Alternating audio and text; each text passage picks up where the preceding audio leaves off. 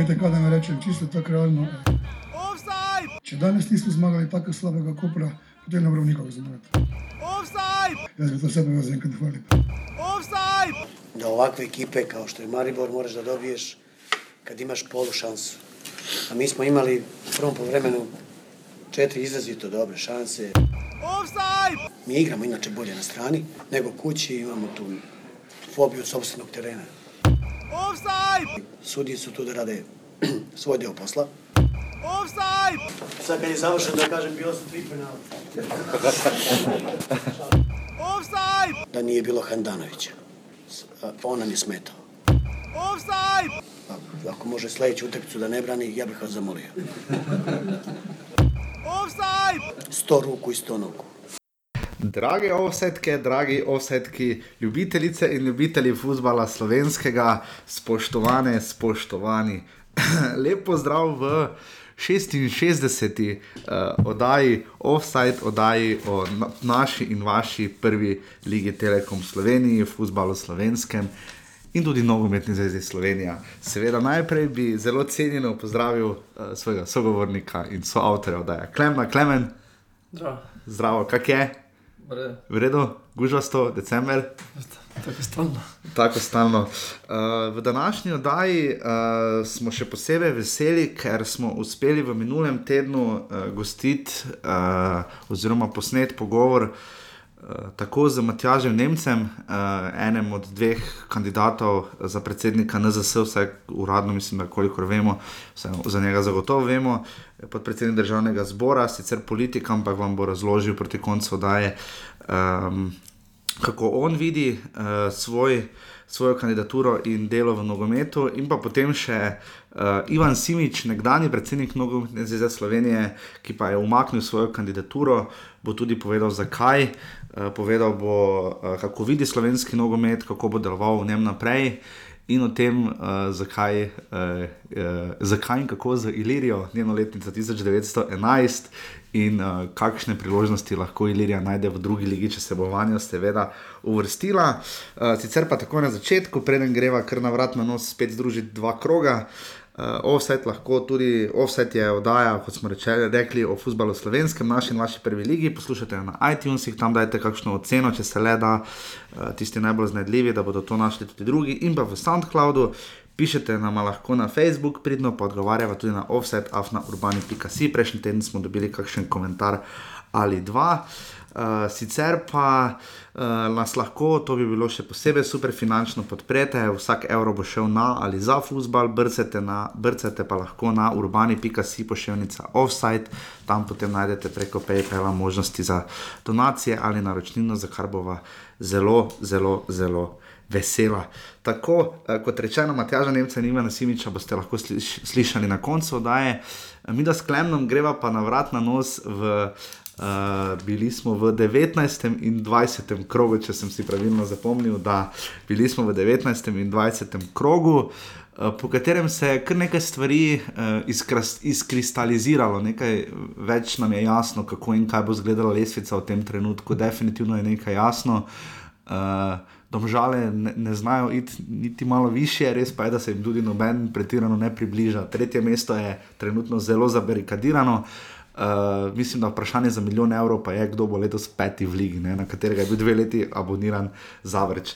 Klemen, kako ti vidiš ta razplet v teh dveh uh, krogih, oziroma imeli smo tri tekme v tednu dni, recimo Maribor je trikrat igral doma, uh, Maribor igra boljše na vides, ne, na tako sproščeno, čeprav je bila tekma z rodarjem res ne ravno mučna, ampak je Maribor moral pokazati vse, kaj zna. Olimpija morda na oko ne igra tako dobro, imam nekoliko več njihan v igri, ampak na koncu je še vedno ena točka razlike. Ja, nekdo bi si mislil, da je Maribor petkrat zapored zmagal, pa da bi bila ta razlika mogoče malo večja, ampak ne. Točka je točka razlike, uh, zaradi tega so še naredili se, si razliko v primerjavi z državami, ki v dveh tekmah niso uspeli zabiti zadetka. Uh -huh. uh, to je za države, ki so mogoče najbolj napadalna ekipa lige. Uh, zabili so 42 zadetkov, igrali pa so z uh, Krškim in uh, Radomljami. Bi nekdo pričakoval, da bodo vseeno iztržili več kot eno točko iz dveh tekem. Uh, na koncu so še povečali zaostanek, vendar so zdaj nekje na tisti v sredini lestvice, med tistimi prvimi in četrtimi, so 10 točk, oziroma 11 točk razlike med, uh, med spodaj in na zgor. Ne? Tako da um, so nekje, vprašanje, če lahko zelo grejo gor, pa dolje do konca sezone. Ne? Ja, čeprav to v naši ligi, veš, vidimo tako tak res specifično. Eno je, kar gledamo na oko, drugo pa je potem, kaj pokaže lestvica. Ne? Če pogledamo, recimo, Aluminij ima res dobre tekme, veliko priložnosti, pa ne pride bliže niti krškemu na neko koliko toliko varno razdaljo, da bi še lahko upal na to, da bi koga povlekel na tek, na, za deveto mesto. Vidimo pa celje, Gorica, Koper in Rodar so pa četverica klubov, ki pa res igrajo v zelo velikih nihanjih. Ne? Ja, pa tudi aluminij, glede na to, da so imeli zdaj štiri zaporedne poraze. Uh -huh. uh, tako da zdaj, eh, če bi pa radomljen še sestavili kakšno serijo, mogoče takšno, kot so pokazali zdaj v tekmi proti državam, glede na to, da po 18 tekmah so zmagali, bi pa mogoče malo bilo bolj napeto pri tej borbi tudi za, za obstanek. Ne?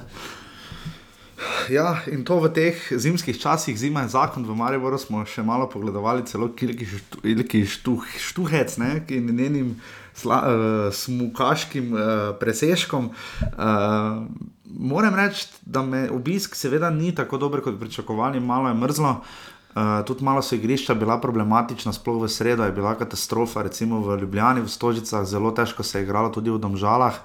Uh, in so naknadno zanimivo premaknili tekmo, kar je pohvala Ligi in vsem ostalim, da, bom, da bosta Maribor in Domžalj odigrala v soboto ob petih, uh, ob 16:55, ne pa ob 20 uri in 15, kot je bilo sprva predvideno, uh, ker je pač zelenica v Domžalah ima kar nekaj težav, vse sodeč po tem, kar smo lahko videli na sredini tekmi. Ne. Mimo grede, ja, pač moramo pohvaliti, kakšen poseben ples narediti, uh, radomlje so prišle do prve zmage. Uh, ki je, mislim, ena bolj odmevnih v drugem, mislim, da po derbiju je to najbolj tako odmeven rezultat. Ne, niti, niti Maribor, niti Olimpija, nista, niti tistih Mariborovih, nič, nič, v recimo Kidričevem, ni tako izstopalo kot pa ta zmaga Radomlja. Ja, noben ni pričakoval.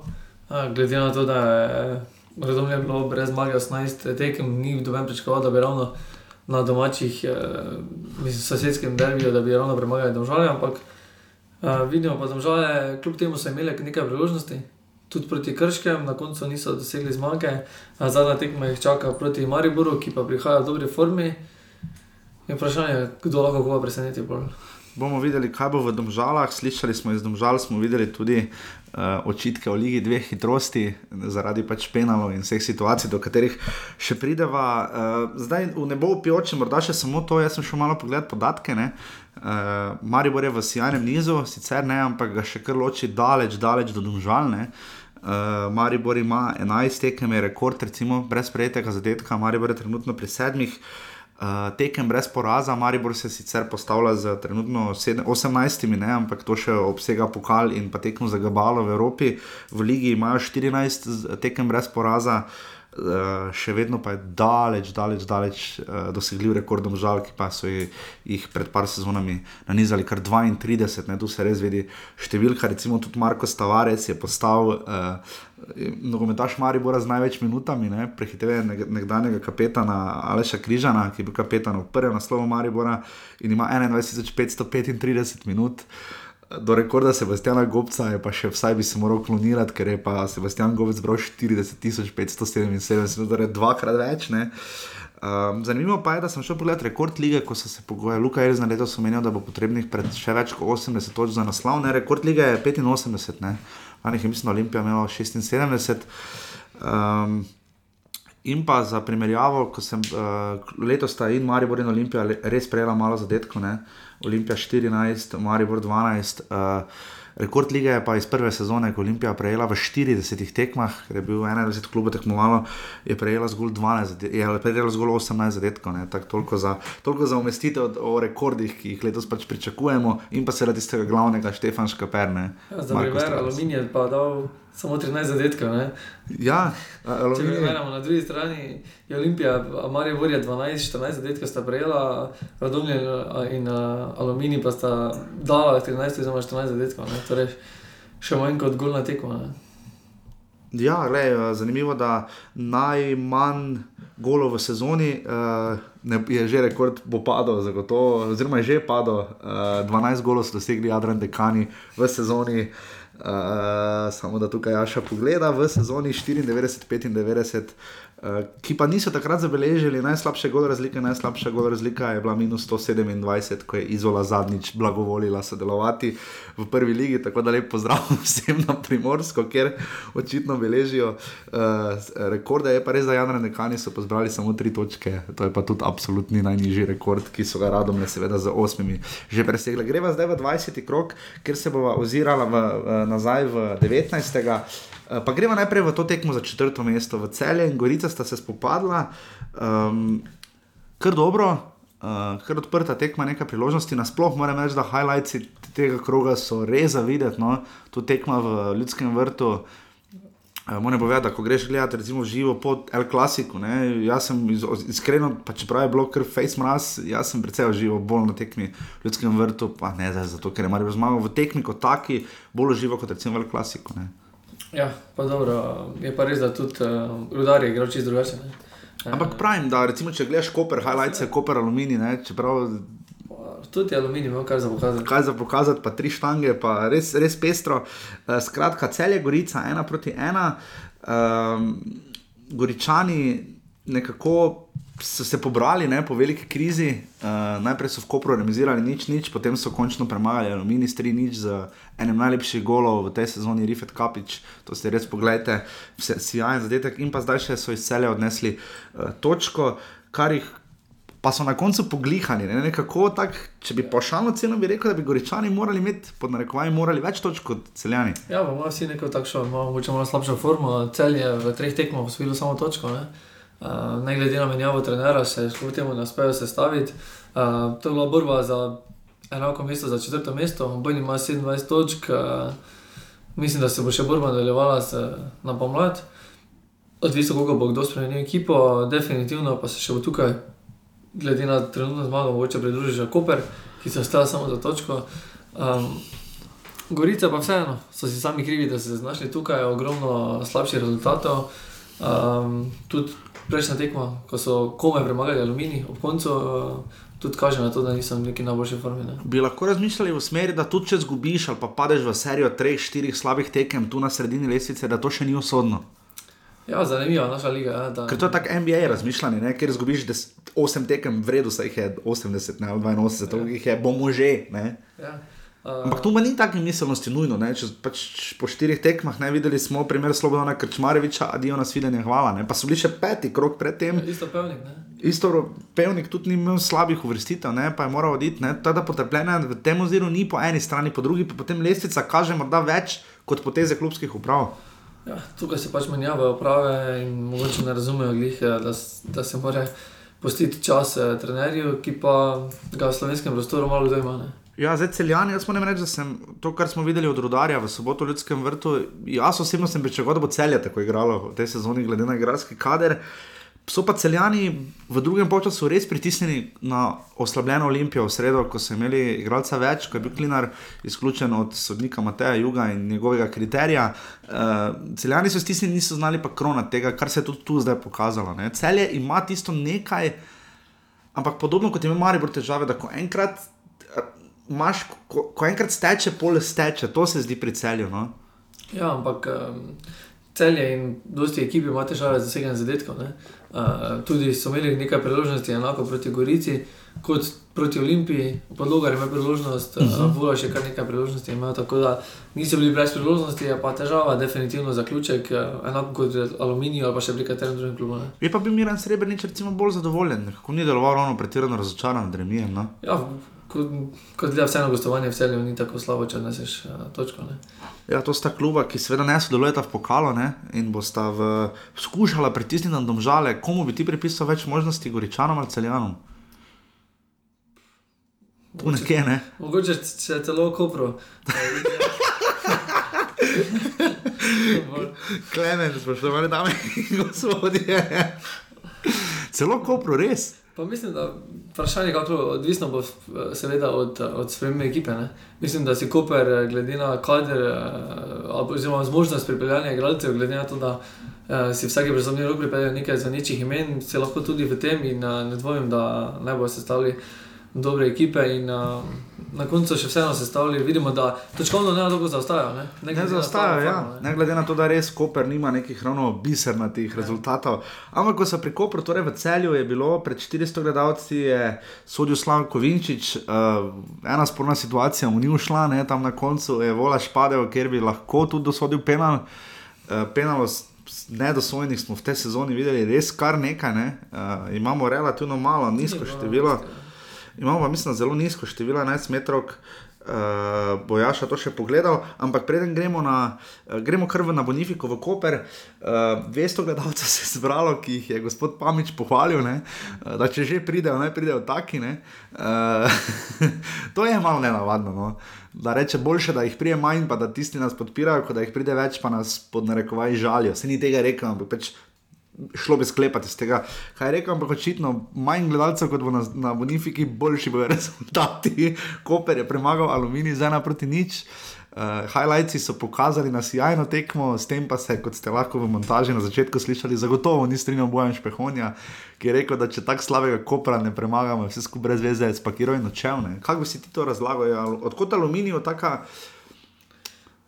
Odkot to, no? odkot, Ja, od, Aluminij ima seveda definitivno težave z realizacijo, z zaključki, dosegli so nove zadetke.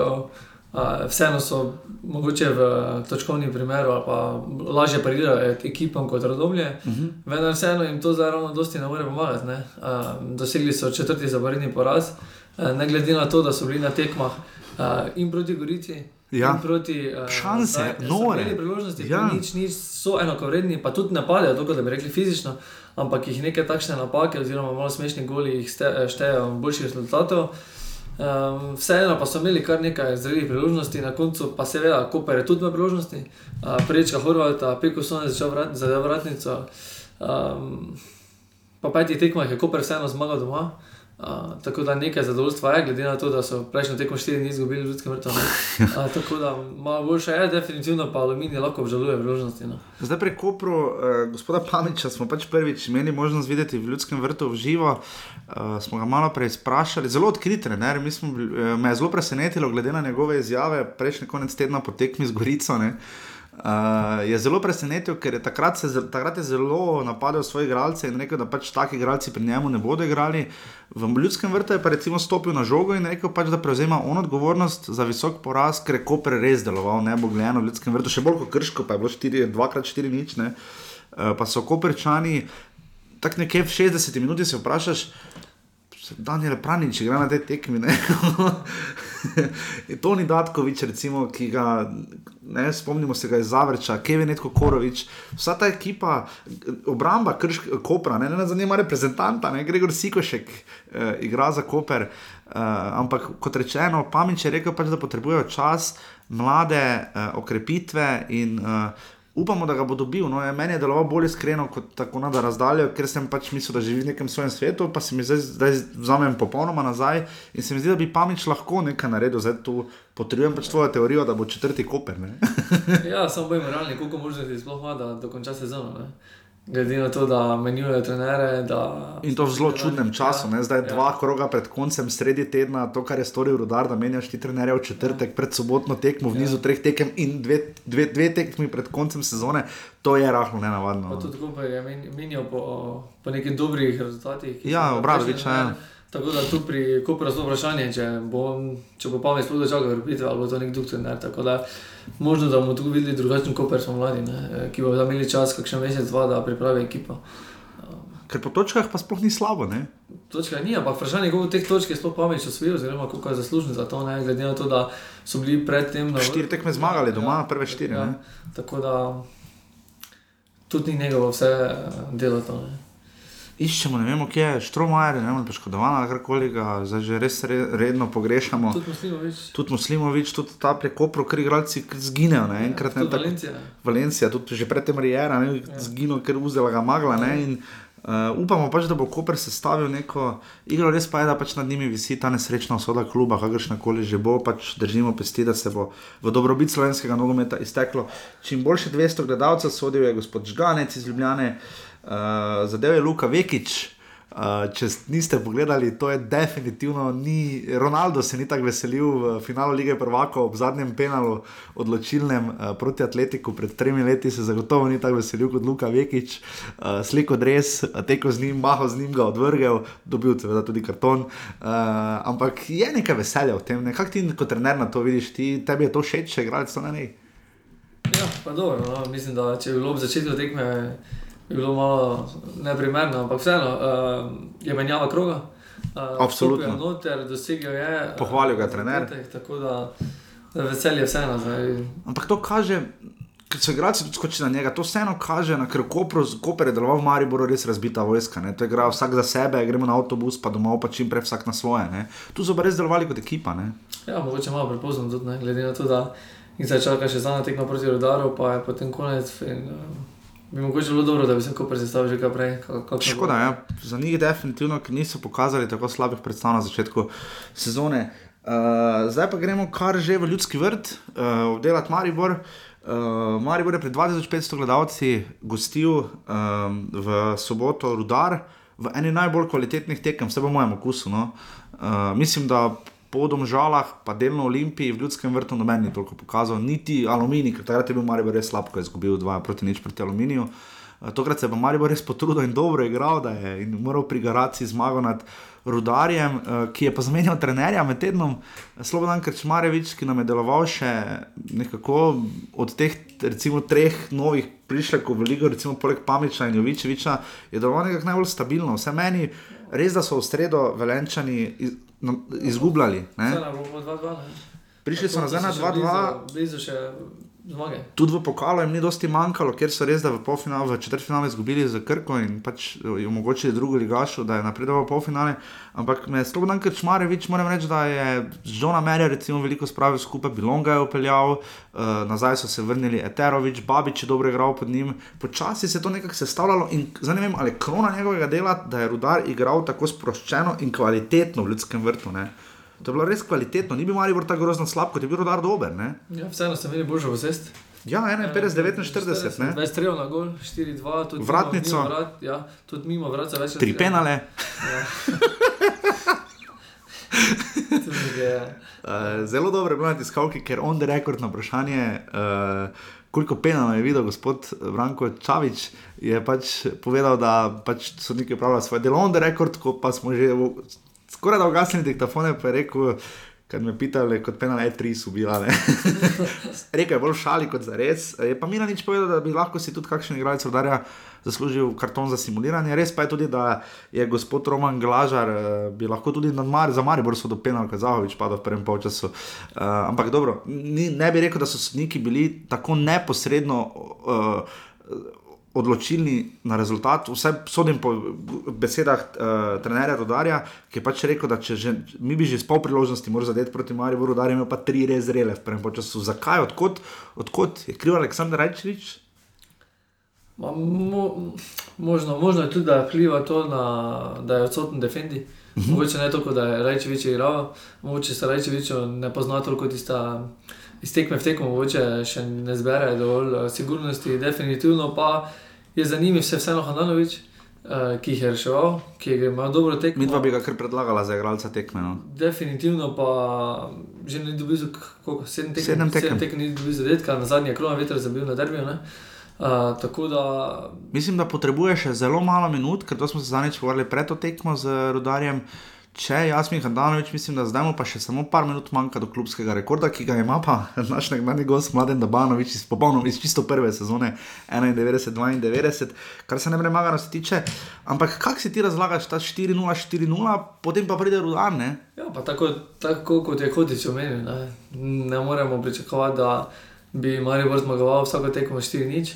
Uh, tisto mogoče je, vse pred vsaka priložnost so, so zabili, definitivno pa se tudi na tak način zmaguje, uh, dosega tri točke in uh, držijo še stalno prvo mesto. Tako da ne glede na zmago, je treba biti zadovoljen v Mariboru. Ne. Absolutno se strinjam. Uh, zdaj, velenčani imajo v Dominiku glavni, zanimivo, Marka Šulerja je kolega Kovačevič v petek vprašal na diskovki, če so se kaj posebej pripravljeni na kaj ga vidijo, rekel Šuler, nismo imeli časa. Ne? Ja, pol so imeli kar nekaj časa videti, kak Dominik Glavina je iznajdljiv, precej. Ne? Uh, John Mary potrebuje ogromno prostora, večkrat je probal s karicami, mogoče malo tudi na silo, mogoče ga je to stalo tam penala, ne? ker je tako zelo fizični igralec. Uh, ampak recimo, uh, ne spomnim se, da bi Trivkovič od, še od Olimpije tako dobro kadarkoli igral, res je na najboljših predstavah. Ja. Zelo. Igralec, ki ga Mari bo tokrat ni imel, da reta vršiča, so velenčani pospravili. Ne? Ja, zanimivo je tudi, Meri, ko si ga menil, je proti Krškem vstopil, uh -huh. dosegel zadetke in podal. Da... Izredno priljubljen, uh, izredno priljubljen mladenič. Uh, John Mary je, uh, namreč v ljudskem vrtu je bilo ogromno otrok iz Velenja, vse dva avtobusa, mislim, da Zdaj, po, ni. Pogosto pridejo, recimo, otroci v ljudski vrt na staro tribuno, tam pod našo novinarsko, in dosti krat se lovijo, jih hamburger zanimajo, telefone gledajo, skratka, vse, vse drugo, razen fuzbalne. Tokrat so pa res spremljali tekmo, navijali, uh, zelo glasno podpirali in po tekmi, recimo, poklicali Johna Merija ga so klicali in John Mary prišel, zanimivo, da mi ga pišemo z AM, ga cela liga piše MRY, na adresu ima E, ne vem zakaj, MRY, mislim, da ne. Uh, in je odvrgel res, ne. Od, odvrgel je res med, uh, velenske, med, med velensko mladež, ki je res bila vesela in uh, kar kaže, recimo, lani po Blessingu je lekel, spomnimo se njegove zgodbe, ko je šel v dom za upokojence v uh, Novi Gorici, pa bil tudi zelo popularen med tamkajšnjimi navijači. To kaže, da so tujci, tudi, za katere je jasno, da ne bodo tu ostali, ne, vse, po vsej verjetnosti, ne, uh, da, da, da znajo postati junaki. No. Ja, ampak. Uh...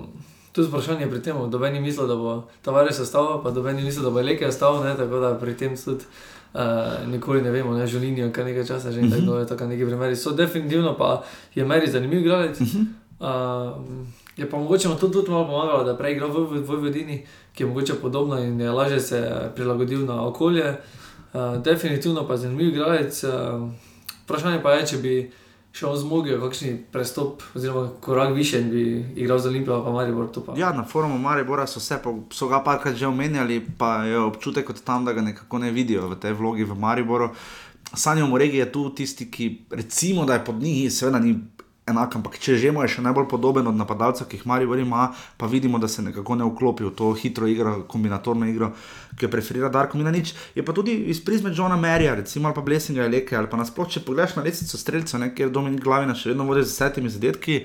Luka Zahovič, Marko Alver, Slobodan Vuk so potem naslednji, ne, Miran Burgič in Dalibor Volaš. Ne. Imamo manjko napadalcev, takih klasičnih, ne, če pogledamo ja, na, v tem oziru. Vsi so bili presenečeni nad povratkom Zahoviča, ampak definitivno je upravičil zaupanje. Dosegel 8 zadetkov, reševal Maribor. Um, tudi na tej tekmi, na prejšnji tekmi je zabil iz pol priložnosti, priložnosti. Tako da uh, vseeno pa je teh napadalcev premalo. Ja. Ker kaže ta recimo Slobodan Vuk in Dalibor Volaš, ki nista najmlajša, ne? kaže ta nam to, da, da še vedno tak tip napadalca očitno uspešno zabija. Ja, videli smo včasih tudi ostrce, pri uh mhm. -huh. letih je. Ki je bil presrečljiv. tako, da, tako da to je, to je seveda v slovenski ligi, če si kakovosten, pa če imaš nož za gol, se vidi, da zlahka dobiš. Uh, Prednost na lesici streljca. Ker tu zanimivo, da lani so bili trije na vrhu lesice streljca, Mendi, Grona veter, pa Zajc ali Šporar. Šporar, Šporar ne. Ja. Kar je zanimivo, ne? Krona veter, recimo, sploh ni klasičen napadalec. Uh, tudi recimo Miran Burgič, ki ima sedem zadetkov, je bolj prednji veznik, kakorkoli kot pa klasičen napadalec. In v tem oziru je zanimivo, da slovenska liga je tu kadrovsko podhranjena. Imamo dobre golmane, solidne branilce, kar ok, solidne veziste in pa relativno malo napadalcev, kar se tudi pri srečo Katancu vidi. Ne? Pa to je problem tudi pri drugih. Pri drugih uh, Pri drugih reprezentancah, pri drugih ligah, klasičnih klasični, klasični devet, ki je zelo malo, Uh, tiste, katere pa so, pa vidimo, da ogromno stanejo. Ne? Pa se to tudi pri trenerskih šolah tako, mislim, vzgoji, da kako vzgojiti, oziroma se jih sploh ne vzgaja več. Ne, pač, uh, zdaj se, včasih so bili ti igralci, tipa in zagi, uh -huh. uh, ki pač mogoče so tehnično malo slabši in ne vplivajo v to igro, so bili pač uh, zelo cenjeni. Zdaj se teh igralcev več ne proizvaja, so nekako bolj vsi univerzalni. Tako kot vem, primer Hazard ali pa Bale, ali pa niso tipični. Ja, čeprav v reklami gledam Roberta Levandovskega, ne Hazarda. Ne?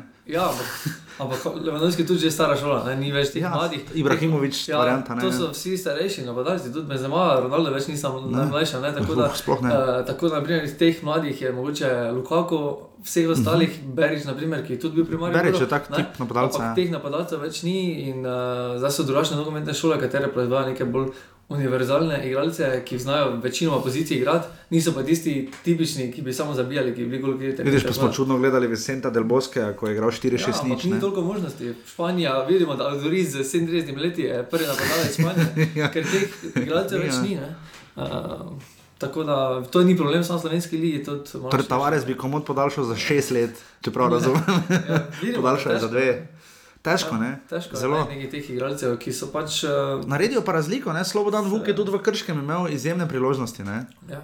Uh, Imajo pa vsi, tudi uh, Slobodan Vuk ima težave z realizacijo. Uh Mhm. -huh. Ne glede na to, da je dosegel že 8 zadetkov, je na priložnosti, ki jih je imel proti Krškem, bi skoraj mogel mu razumeti. ne. Če morda še pri tekmi Maribor Rudar, mogoče pri Rudarju se malo vprašava, kam lahko ta klub poseže. Ne? Zanimivo, da je Čavič ni znal povedati. Uh, Kam točno, kakšna je njegova povezanost s klubom v bodoče, on je pač rekel, da bodo verjetno sedli, ampak če bodo prikazali take predstave, mislim, da bi on bil prvi trener Nemanja Vidiča, sicer v Srbiji bi bilo zelo zanimivo videti, če bi ostal, uh, ker ta model Čmareviča, njega, ki je bil pomočnik, sploh ni tako slab, ne, ne na zadnje, Rudar se čisto v redu drži na št- s 24 točkami. Ja, ampak glede na to, da imaš on mogoče pričakuje malo hitrejšo igro, uh Mhm. -huh.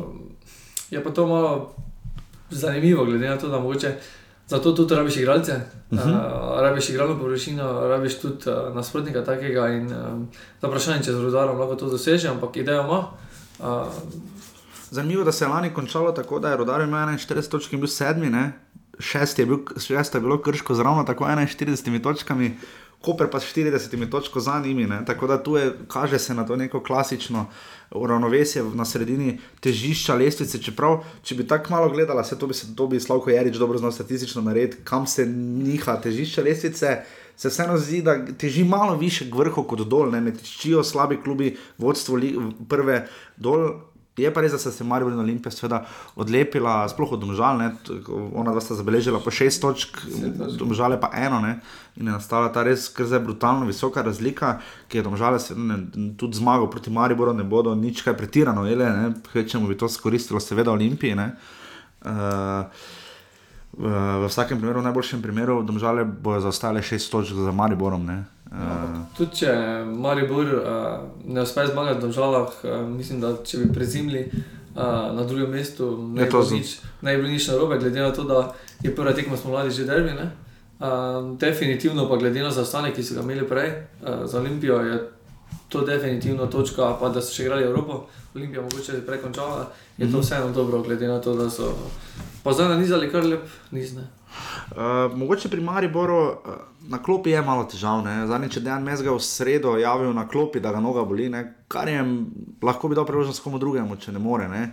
Videli smo ga tudi, da je nekaj minut dobil, pa tega ni izkoristil. Tudi pri Aleksandru Rajčeviču, uh, Dalko Milanič je govoril o psihofizični sposobnosti.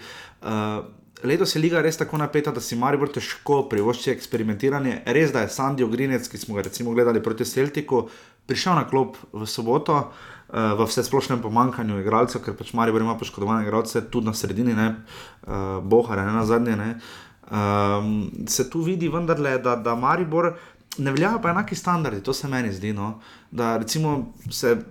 Poglej, Hotiča, ne? Hotič je prišel za not in je našel rešitev, ki je Sintajehu Salalih ni. Salaliha, Salalihu je Milanič čestital za njegove predstave v tej sezoni, za Hotiča je rekel pa, da je veliko odvisno od njega in da je med vrsticami povedano zapravil mesto v prvi enesterici, ki, je ki ga je imel na začetku sezone. To definitivno, vendar vseeno pa je Sala Lig se slavil kar nekaj uh, dobrih uh, tekem, mogoče mu ta tekma najbolj ni uspela. Uh, definitivno pa je tudi vplivalo na igro rodarja, ki pa so mm -hmm. bolj držali žogo, bili so boljši. Tista tekma proti Kopru, oziroma Krško, Ja, je bolj ja. pisana na košo, ker je bila hitrejša igra, ima več uh, prostora in ima je bilo lažje. Tukaj pa mogoče bilo malo težje pri, priti do priložnosti, definitivno pa je zanimivo, da je Hotič v par minutah že uspel. Da, to asistenco ja. in da ni dobil tako grozno velike pohvale, kot bi morda pričakovali, glede na to, da je to odločilo tekmo, seveda odločilo je neposredno gol Luka Zahoviča, ki je spodkopal žogo. To mi še pove, misliš, da je Hotiča odnesla njegova lastna predstava ali vendarle sprememba sistema, mar je šel v romp, ne? Pihler, ki je bil mišljen na začetku sezone kot zadnji vezni, je šel na desno stran, ne? ki zna biti tudi Hotičeva, če je treba. Ne? Pa mislim pa, da ne. Dejansko je bilo to vplivalo na to, da je on izgubil mesto, prepustili drugemu in tisti so ga izkoristili. Ne? Samo to, tako da za neki sistem mislim, da to ni vplivalo. Bo Luka Zahovič odnesel mesto Milivoja Novakoviča? Ja. Ker oni trije se res. Naslednjo tekmo še zige, ker res se dobro ujamejo, da je vršič, ki je sicer, kot rečeno, ni stopal, ampak v proti rodarju je pa dobro igral, proti je pa izjemno igral proti Kopru. Zanimivo bo že podaljšanje, oziroma če bo Zahovič ostal.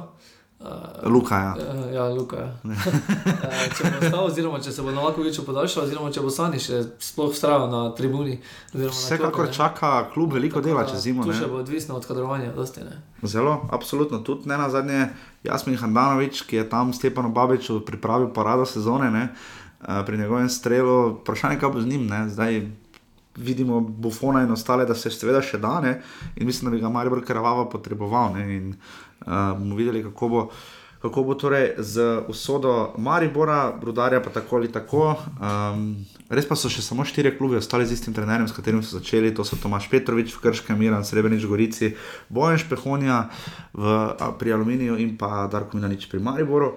Uh, gremo pa še na nedeljsko tekmo, včerajšnja Goljada Olimpije. Um, Olimpije je šlo malo lažje proti Radomljam kot Mariboru, to je treba priznati. Olimpija lažje igra z uh, aluminijem in Radomljem kot Maribor. To se meni tako zgolj čez palec zdi. No. Pa možno, ampak um, je pa res, da Olimpija boljša na gostovanjih. Mhm. Na gostovanjih še brez poraza.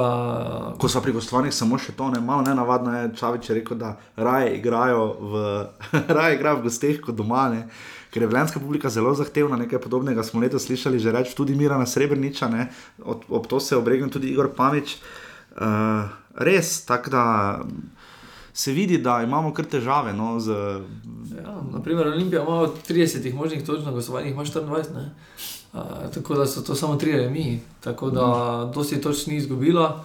Uh, pa še te tri remi je bilo ob zadnjih tekmih 0-0 z rodarjem in pa 1-1 uh, z Gorico. Tako da uh, dosti točk ni izgubila. In, um, je pa res, da tudi ne glede na to, da je Radomlje zdaj bil v nekem uh, boljšem efektu kot uh, po zmagi z državami, je bilo težko pričakovati, da bi še enkrat presenetili in bi premagali še Olimpijo. Ne? Mm -hmm. ne glede na to, da so si. Zabili sami in na koncu še dobili dva niči iz prostega strela, tako da bo zelo na hitro, že 2-0. Leon Benko in Etienne Velikonja, boljše se razumeta, boljše ima gre. Definitivno. Benko gol je bil spektakularen v sredo proti celju. Ne? To je bil Eurogol. Definitivno je po tistem, ko Stojič eh, prišel v klub, se je nekaj stvari spremenile, mogoče tudi pri motivaciji, razumevanju, mogoče proti ga ni znal sestaviti, pa vdariti v mizi. Stojič se vidi, da ne glede na to, da ni na klopi, ampak se vidi, da mogoče že igra bolj, bolj napadalno, primerjavi z, če primerjam to obdobje z Pušnikom, ki je bilo več teh štirih nič in uh, bolj atraktivne igre, se vidi, da tudi je več sodelovanja v napadu. Tudi videla smo nekaj, ne? mislila sva, da bo velik dvoboj tam na sredini, mogoče krona veter, miškič, matič, ne? zdaj se je izkazalo, da hara Alves. ja, matič je zdaj odstopil, ali pa so mu godzeli, ne vem, kako zdaj ne bi razumel to, ampak ni več kapetan. Uh -huh. uh, zdaj dela meja mlinar, ne? ki, ki, mu, ki mu je to dosti pomeni, ker pa tudi poklic reprezentancov, v reprezentanci morda proti Poljakom ni navdušil tak fejst, se pa kaže v njegovih boljših predstavah.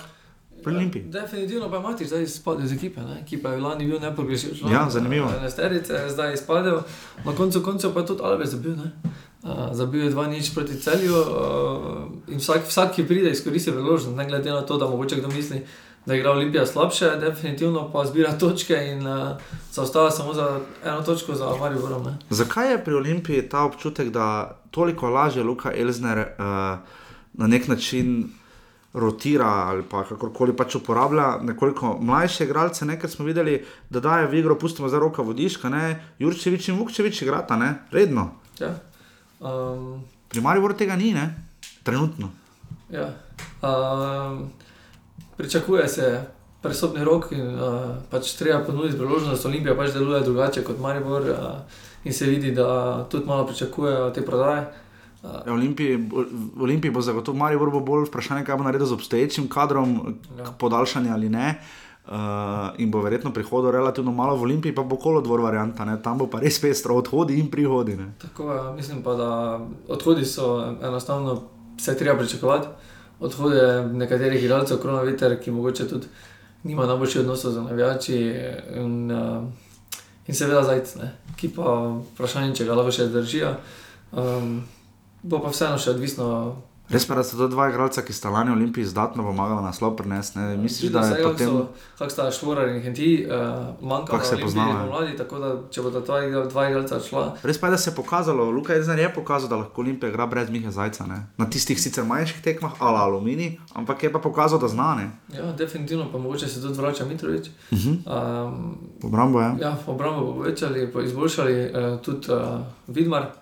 Um, definitivno pa bo to vprašanje pri vratarjih zelo zanimivo. Ja, bomo videli, v kakšni formi se bo Vidmar vrnil. Ne, ne Vidmar, že ga ne, nismo videli braniti, mislim, odkaj sploh letos, kaj prvi ja. krok, če je branil, drugi. Uh, in bomo videli, kako bo s tem. Um, morda pri Olimpiji še to. Um, Zdaj jih čaka še zadnja tekma, grejo doma, imajo krško, ne? lani so na tej tekmi ostali brez trenerja, potem naknadno, ne? res da v, na stadionu Matija Gubec, eh, ne pa doma, tokrat igrajo spet v Stožicah. Um, Ja, lani je tudi dva Mariborčana. sta. ja, Zagodila je enako, ko sta zdaj dva Mariborčana v Kliševič in Kramer res da bila uh, proti Rudarju. proti, ja, proti domžalam. A proti rodarju v sredo, pardon. Uh, percepcija Olimpije, ne Olimpija. Uh, Mislim, letos se mi zdi, da ne Maribor na Olimpiji, Olimpiji ne godi, da bi bila nujno prva. Tako se mi zdi, kot da ima ta malo manjša pozornost, ki tu vlada malo za ligo, če smo iskreni, nekoliko manjša in bo eksplodirala seveda na derbiju 25. februarja, ampak mogoče Olimpiji to malo godi, pa ne, ne bom rekel, bog ne da ne zanimanje, ampak to, da mogoče so pod malo manjšim pritiskom trenutno. No. Če Pa, največjega jim seveda povzroča Maribor z dobrimi igrami. Ne. Seveda, zdaj pa mogoče tudi to, da ni neka točkovna razlika, je malo, malo lažje, da so, malo bli, da so bližje, definitivno pa uh, še pričakujejo zdaj pri prihodnje. In, uh, lani smo videli, da tudi Radovič je naredil razliko, nekaj igralcev je prišlo, definitivno pa bo zdaj, definitivno pa bo Stojič uh, naredil tisto, kar, bi, kar bo po njegovo potrebno, da bo pripeljal igralce, ki pa bo zdaj spremenili tudi spomladi, dosti rotacijsko, po mojem. Bo ključen odnos Stojič Elzner, kakšna je tu vloga Mandariča? Mislim, da Elžir nima nobene vloge uh, pri prestopih. Uh, mislim, da bo Stojič sam pri sebi vedel, katere pozicije mora ukrepiti, katere mora pripeljati. Uh, Ezner je mogoče tisti mlajši trener, ki pa uh, mislim, da mu ne bo zaupali kadrovanja, glede na to, da je lahko v kratkem že pol potem ob neosvojenem naslovu že bil še ne. Ja, Olimpija lani je zaslužila od prestopov, Ja. oziroma kaj ne pravi Milan Mandarič. Uh, je pa uspel Stojič takrat še pripeljati Miroslava Radoviča, ne, ki pa je izdatno pomagal. Mislim, da je to bilo celo odločilno, da je Olimpija ena izmed najbolj odločilnih faktorjev, da je Olimpija potem postala prvak. Ne. Seveda, zdaj po mojem tudi lahko. Tudi Lazovič je prišel na neki, pa na koncu ni bil priložnosti in uh, mislim, da bo. Uh, Kaj pa občutek, morda to bomo vprašali tokom zime, navijač Olimpije, ampak uh, Luka Elzner vemo, on rad igra učinkovit nogomet, ne pa nujno najlepšega. Ne. Definitivno ja. uh, je to tudi pokazal proti celju, ne? uh, da so se pri 2-1 Zaprli, nazaj. čisti, in, uh, so celjani stiskali, ne. In tako da ni malo manjkalo, da bi to celje. Zabilo za 2-2, ne. Ja, da, Tudi gol razlika, veseli, ne. Zdaj so si jo sicer v Radomljah izdatno popravili na 33-14, torej plus 19. 11 zadetkov manj kot Maribor. Ne? Ja, in, in tudi manj kot domžale. Ne? Uh, tako da uh, v tem oziru, uh, Klemen, uh, kaj pa Radomlje? Ne? Radomljani so prišli do prve zmage za trenerja kroga, so izbrala Davida McDonalda, pomočnika trenerja. bomo videli, tista zmaga je res bila. Najlepše bilo videti veselje Radomljano, tako pri prvem zadetku, ko je zadev Jankovič, sploh pa ko je Nunič zadev drugega. Uh, Ko sta tekla z Miličem tam. Tiste je bilo dobro, koga, je, najbolj zanimivo je, da je Jankovič prav posojen, nisem žal. Ja, Uh, je Olimpija ima to, uh, mislim, domžale imajo to razsvetljenost oziroma liberalnost, Ja, ki je recimo Maribor nima. Ne? Naprimer, to sem jih razmišljal, ja, naprimer, da Maribor si tega ne bi dovolil, da bi njihov igralec jim, uh, jim vzel tri točke. Ne? Tukaj vidimo, da tam žale so dovolile, da je Jankovič igral, na koncu še zabil zadetke, zadetek, prva zmaga, Radomelj, ki pa je definitivno bila zaslužena. Zdaj, domžale so probale, z, ne bomo ravno rekli, drugo postavo proti Radomljam, ampak so pa izdatno spočili igralce in si dvojno streljili v kolena, ne? ker so najprej izgubili z Radomljami, potem pa, so, potem pa je tam izpad minutaže še zelo slabo del. Krškem, ne. Pri Radomljah, uh, Nunič se vidi, da izstopa, da je dober igralec, tudi Ivačič ni slab golman. Jaz mislim, da pa to bom zdaj res pošalno rekel, trenutno mislim, da ima Milič največje težave v vratih v celotni ligi. Vrnil se je kotnik, recimo v celju, v dobro brani, super, Radan je parkrat super posredoval. Uh, imamo dobre golmane, Milič pa ima res težave v državah. Se mi zdi, ki so domžale, so že kar nekaj golmanov zamenjali ne, v zadnjem letu. Ni, ja, tudi naredili napako na tekmi proti, proti, uh, proti Krškemu. Proti ja. Krškem, ki pa so na to zrešili prazen gol.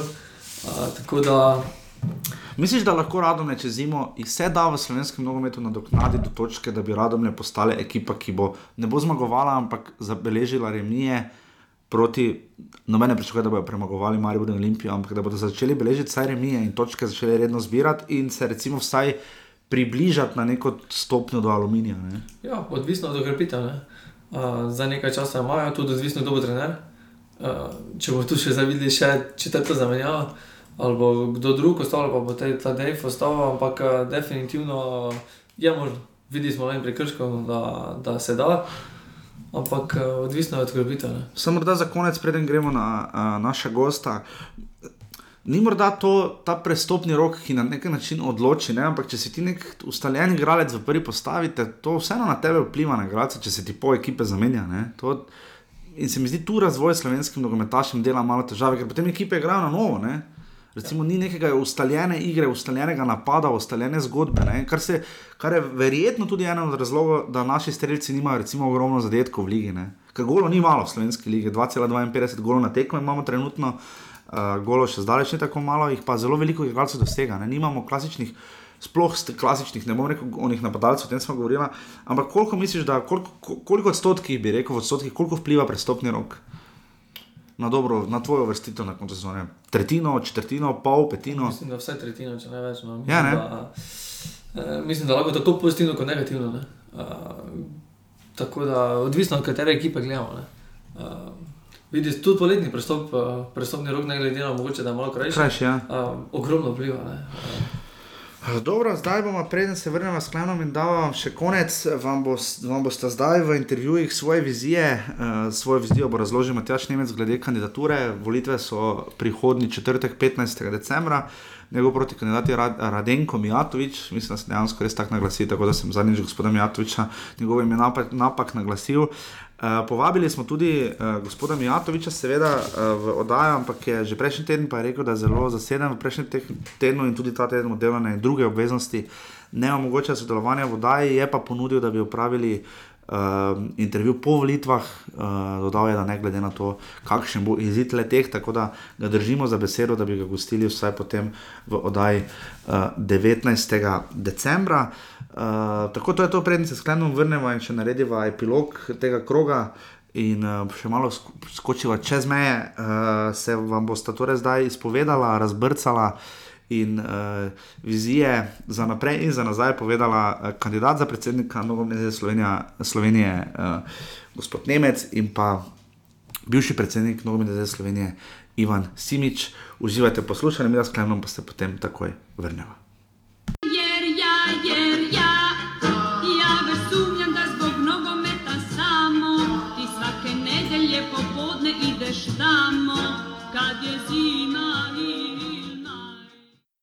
Tako zelo uh, v čas nam je, da lahko gostimo uh, v tem uh, decembrskem času uh, že tudi gospoda Matjaža Nemca, uh, dobrih dva tedna pred predsedniškimi volitvami za novega predsednika Nogometne zveze Slovenije. Gospod Nemec, pozdravljeni, dober dan. Pozdravljeni in čast je tudi moja, z moje strani. Hvala lepa uh, za uh, pogovor.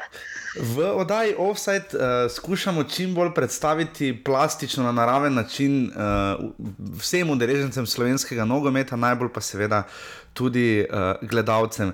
Gospod Nemec, uh, kako bi se vi predstavili nekomu, ki hodi redno na nogometne tekme, bodi si v Maribor, bodi si v Stožice, bodi si na Bonifiko? Nekateri so sanjali v otroštvu postati nogometaš, tudi to so bile tudi moje sanje. Ob, ob odraščanju sem ugotovil, da nisem tako dober, kot bi želel, in sem ugotovil, da od nogometa ne bom uspel živeti, in zato sem se odločil za druge poti. Ampak nogometa nisem nikdar pustil. Vedno sem bil zraven. Um, vselej deloval v majhnem klubu, v majhnem MNZ-ju, seznanjen z težavami, ki tarejo nogomet v svojem vsakdanju. Um, gotovo um, bi, si, uh, bi se sam sebe označil kot otrok nogometa. Namreč nogomet ne proizvaja samo vrhunske nogometaše, ampak predvsem ljudi. Nekateri so postanejo odvetniki, nekateri postanejo um, mogoče um, zdravniški delavci, nekateri pa postanemo politiki. Uh, ampak vselej z tisto otroško ljubeznijo, radostjo uh, in odnosom spoštovanja, ki ga uh, tisti, ki imamo radi nogomet, imamo v sebi. Ampak glede na radost, vse, kar se dogaja te dni, pa tudi v preteklosti, uh, vloga, funkcija, ki je sicer neprofesionalna, ko, ko gre za predsednika nogometne zveze Slovenije, vendar le ta vloga ni pretirano radostna, sama po sebi prinese kar nekaj stresa in drugega. Kdaj in zakaj ste se vi odločili, da boste vložili svojo kandidaturo? Um. To premagovanje tovrstnih stresov in uh, predvsem krepitve odnosa do zavezništva, tovarištva, um, bom rekel, nekega kolektivnega duha, mi je bilo na nek način prirojeno, ko sem odraščal uh, na nogometnem igrišču. In uh, z takim, uh, bom rekel, s temi vrednotami, ki mi jih je nogomet v otroštvu in v mladosti dal, tudi skušam živeti svoje življenje. Zagotovo je stresno za nogometaša streljati 11 metrov ali pa, bom rekel, v zadnjih minutah odločiti, uh, biti del, uh, bom rekel, odločitev na nogometnem igrišču.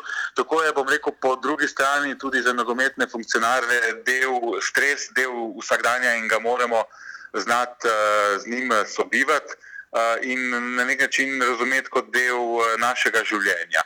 Jaz razumem to tekmo in jo vselej primerjam z dogodki na igrišču, uh, kot bom rekel, uh, neko tekmo iz moje strani. Želim, da bo ta korektna, želim, da je korektna, želim, da je ta odkrita, um, srčna in predvsem pa iskrena. Se pa v nogometu redko kdaj zgodi, ponavadi, če že zaradi sodnikov, da kdo zapusti igrišče, kot je to storil gospod Ivan Simič. Kako si vi razlagate to situacijo, oziroma kako bo to vplivalo na same volitve, in ali imate vi kot politik kaj prednosti ali slabosti zaradi tega, ker se podajate v to bitko trenutno s gospodom Mijatovičem? Ivana Simiča popolnoma razumem in verjamem, da je bil deležen razno raznih pritiskov. Nihče ni imun na te, na te zadeve, ko se odvijajo v času tekem, to vrstnih tekem, govorimo o kandidaturi za predsednika nogometne zveze. Jaz sem relativno mlad, ampak to ne pomeni, da nimam izkušenj tudi iz tega področja. Uh, jaz, za razliko od konkurence, želim uh, nadgraditi uh, svoj program uh, na bazi strategije 2015-2020, ki so neke osnovne smernice delovanja, ampak predvsem vidim svoje razlike uh, v tem, da stopam iz uh, neke.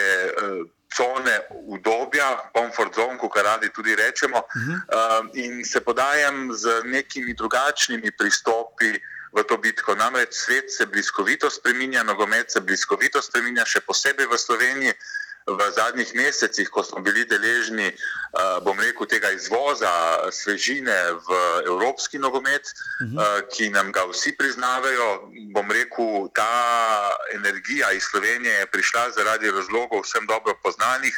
Nogometu je še vedno prisotna neka rak rana v obliki korupcije, ki jo moramo uh, na nek način izkoreniniti. Um, to je priložnost za slovenski nogomet, kajti verjamem, da ne samo Aleksandr Čeferin, tudi ostali nogometni funkcionarji, ki uh, bodo delovali in že delujejo v Njonu oziroma v Švici, bodo lahko, bom rekel, ob. Uh, ob novi obliki delovanja, se pravi homogena oblika nogometa zveza, za postavljenimi jasnimi ambicijami, dolgoročnimi, da lahko slovenski nogomet postane vodilni v smislu organiziranosti in posledično tudi rezultatov v jugovzhodni Evropi, s pomočjo fantov, ki so v Švici in uh, enotni, uh -huh. z enotnimi ambicijami, lahko bi dosegli te zadane cilje. Uh -huh. Zdaj v slovenskem nogometu, kar zadeva funkcionarje oziroma predsednike. Eh, pokaže zgodovina Rudija Zavrla, Ivana Simiča in Aleksandra Čeferina, da noben od njih ni prišel neposredno iz nogometa v to funkcijo. Počeli so marsikaj drugega, kot se obadali ali živeli neposredno od uh, nogometa. To velja seveda tudi za vas, za trenutno razliko od vašega konkurenta. Zakaj smo Slovenci v tem tako specifični? Oziroma, kako, kako to gledate? Recimo na Hrvaškem je predsednik ZDA Davor Šuker, je pa res, da predsednika FIFA in UEFA sta z nogometom trenutno sicer njena glavna predstavnika, njegova glavna predstavnika, ampak sta pri, prišla iz nekoliko drugih vod. Ne? Kako si to razlagate?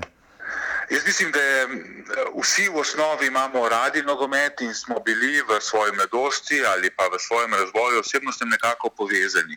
Je pa res, da tako kot sem že v vodoma uh, izpostavil, nogomet ne rodi samo vrhunske športnike, ampak predvsem ljudi uh, in vsi tisti, ki, smo, ki imamo radi nogomet, ki nam je dal nogomet praktično vse vrednote v življenju, se čutimo na nek način po svojih najboljših močeh, koliko le lahko, dolžni pomagati in vračati nogometu tisto, kar nam je v mladosti dal.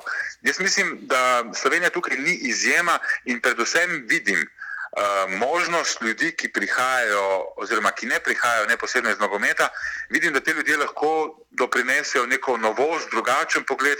Kajti v Sloveniji imamo, eh, bom rekel, neko specifiko, ko so funkcionarji v nogometu že dolga leta prisotni v delovanju. Uh mhm. -huh. Ampak za razvoj nogometa je treba vseeno.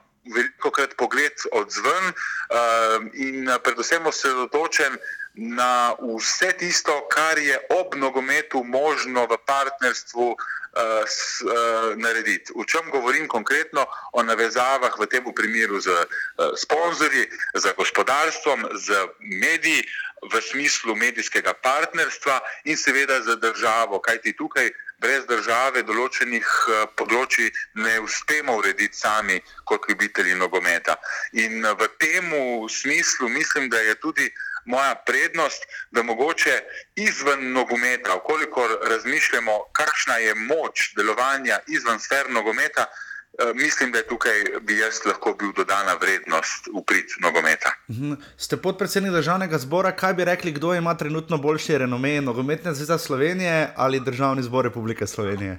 O tem ni dvoma. Jaz mislim, da se boste tudi vi z mano strinjali, da je nogomet zagotovo zakoreninjen globlje v srca.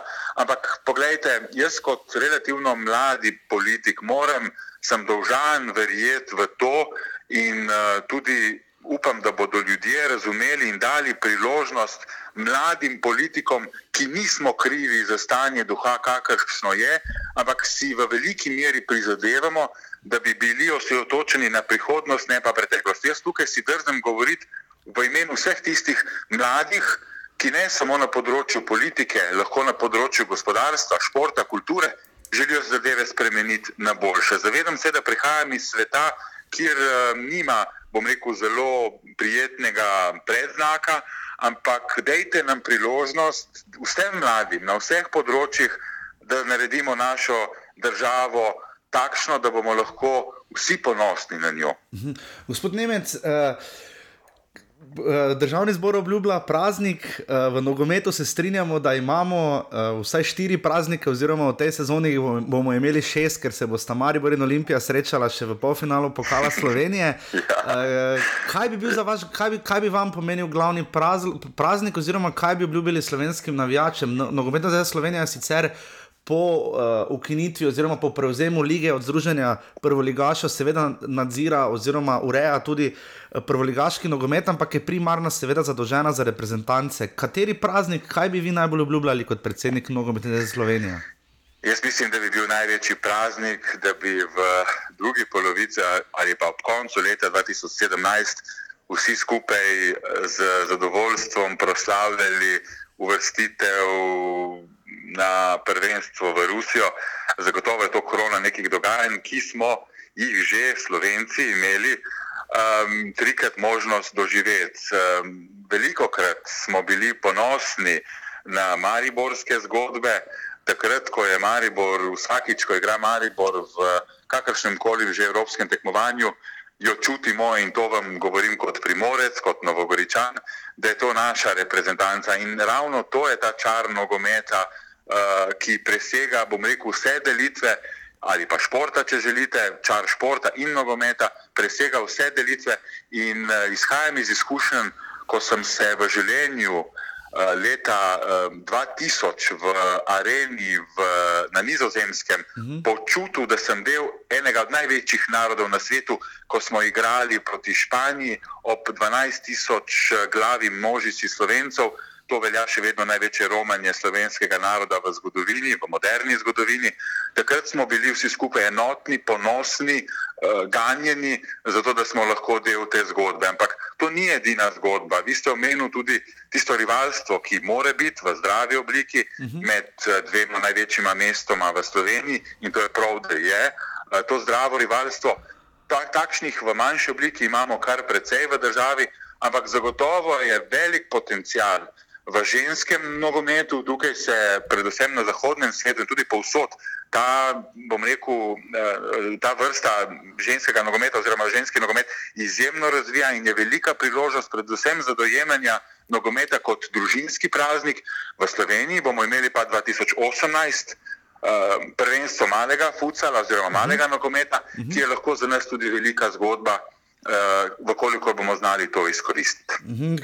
V konkretni situaciji, če bi bili predsednik, v seveda hipotetični situaciji, če bi bili predsednik Nogometne zveze in se slovenska reprezentanca ne bi uvrstila na svetovno prvenstvo, uh, Aleksandr Čeferin se je v svojem mandatu še odločil, da podaljša pogodbo uh, selektorju Katancu, čeprav se Slovenija kljub večjemu številu reprezentanc ni uvrstila na Evropsko prvenstvo. Kaj bi vi storili kot predsednik? Jaz mislim, da moramo dati. Uh ustvariti. To ni samo umevno, ampak ustvariti moramo s, uh, pogoje uh, za fante, za selektorja, za celotno ekipo, da bodo v letu 2017 imeli, uh, bom rekel, najboljše pogoje za to, da lahko v miru, homogeno, v smislu kolektivnega duha, dosežemo tisti glavni cilj.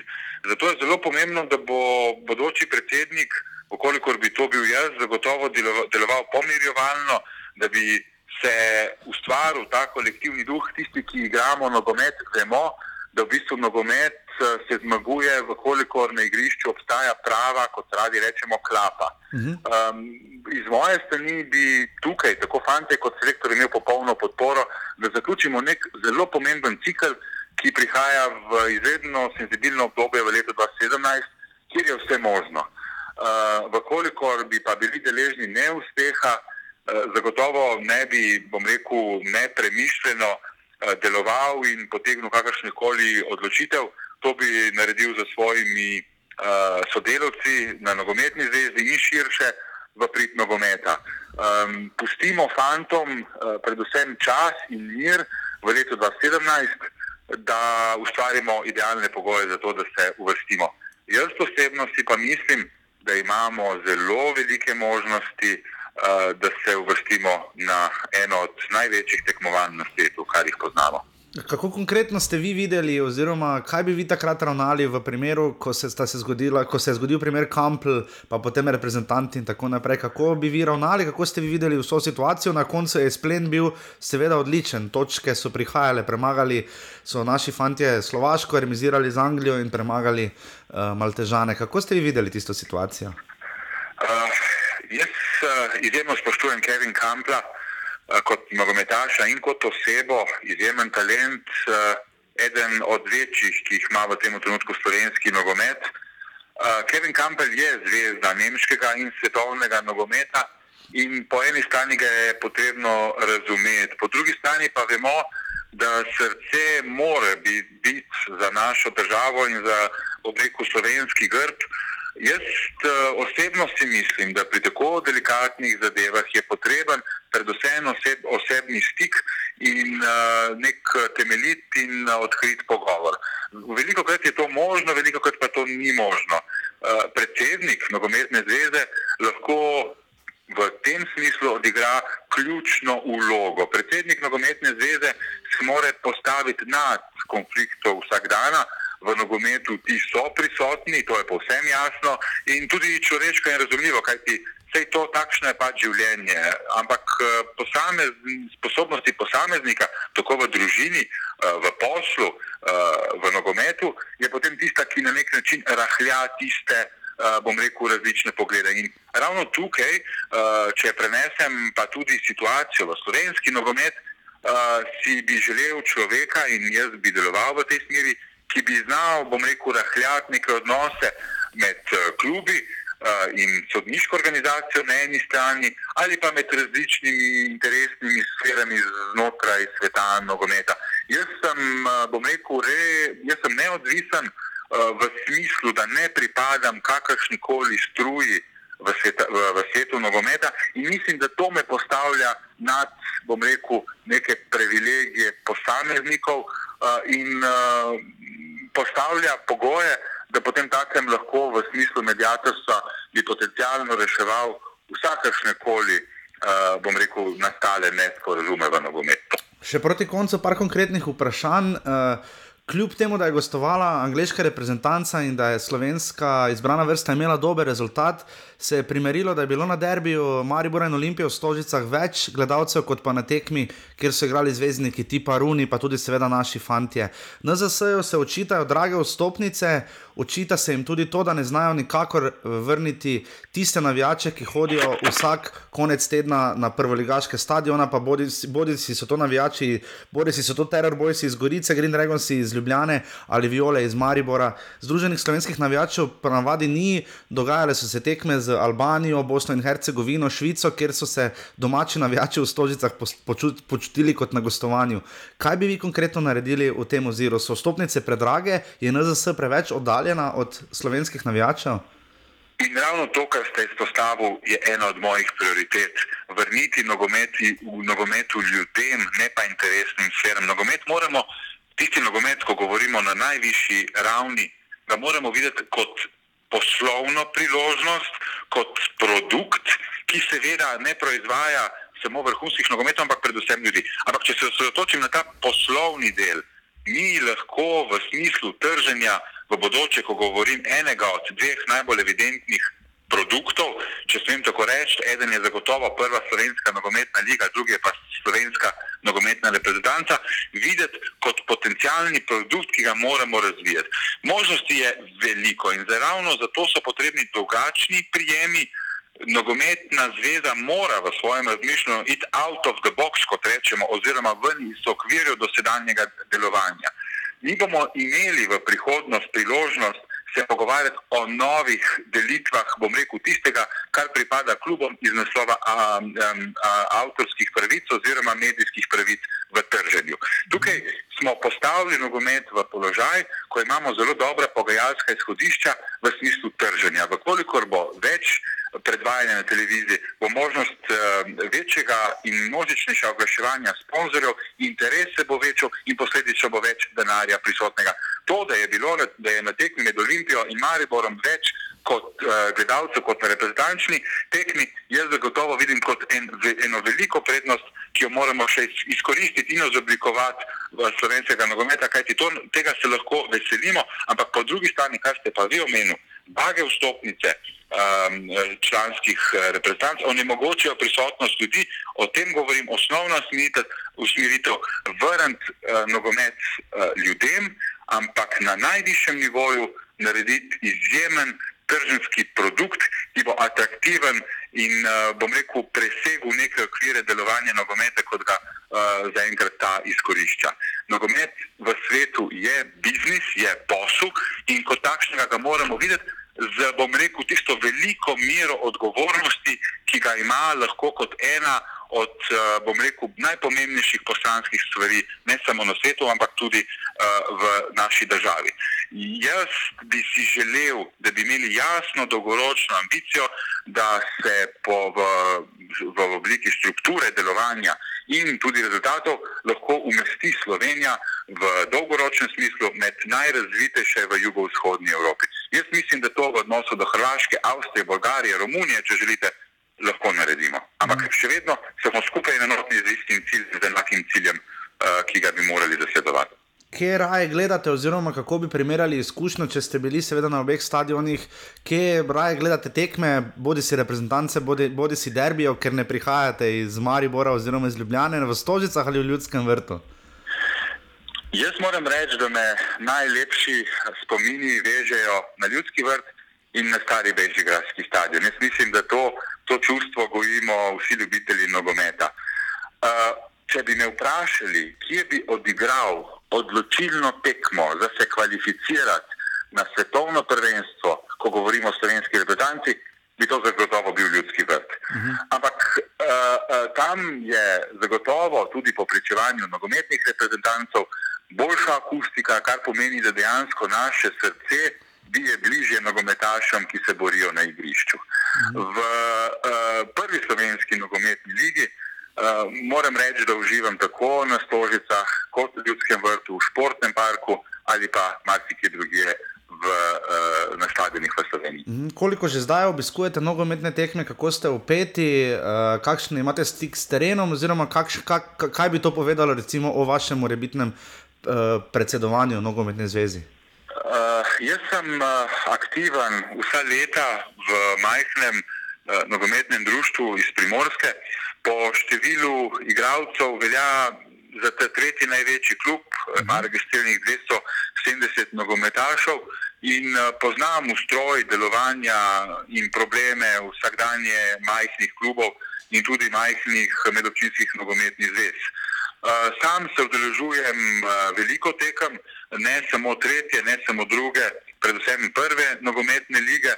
Um, jaz eh, priznavam, da v obdobju uh, svoje kandidature v zadnjih treh tednih nisem si ogledal nobene tekme, ampak je to nalaž, da ne bi ljudje razumeli, da prihajam na stadion samo z razlogom predstavljanja svoje kandidature. To ne bi bilo uh, iskreno in ne bi bilo, uh, bom rekel, fair do ostalih. Mhm. Um, jaz bom pa v primeru, um, da bom izvoljen za predsednika, si postavil drugačen koncept obiskovanja.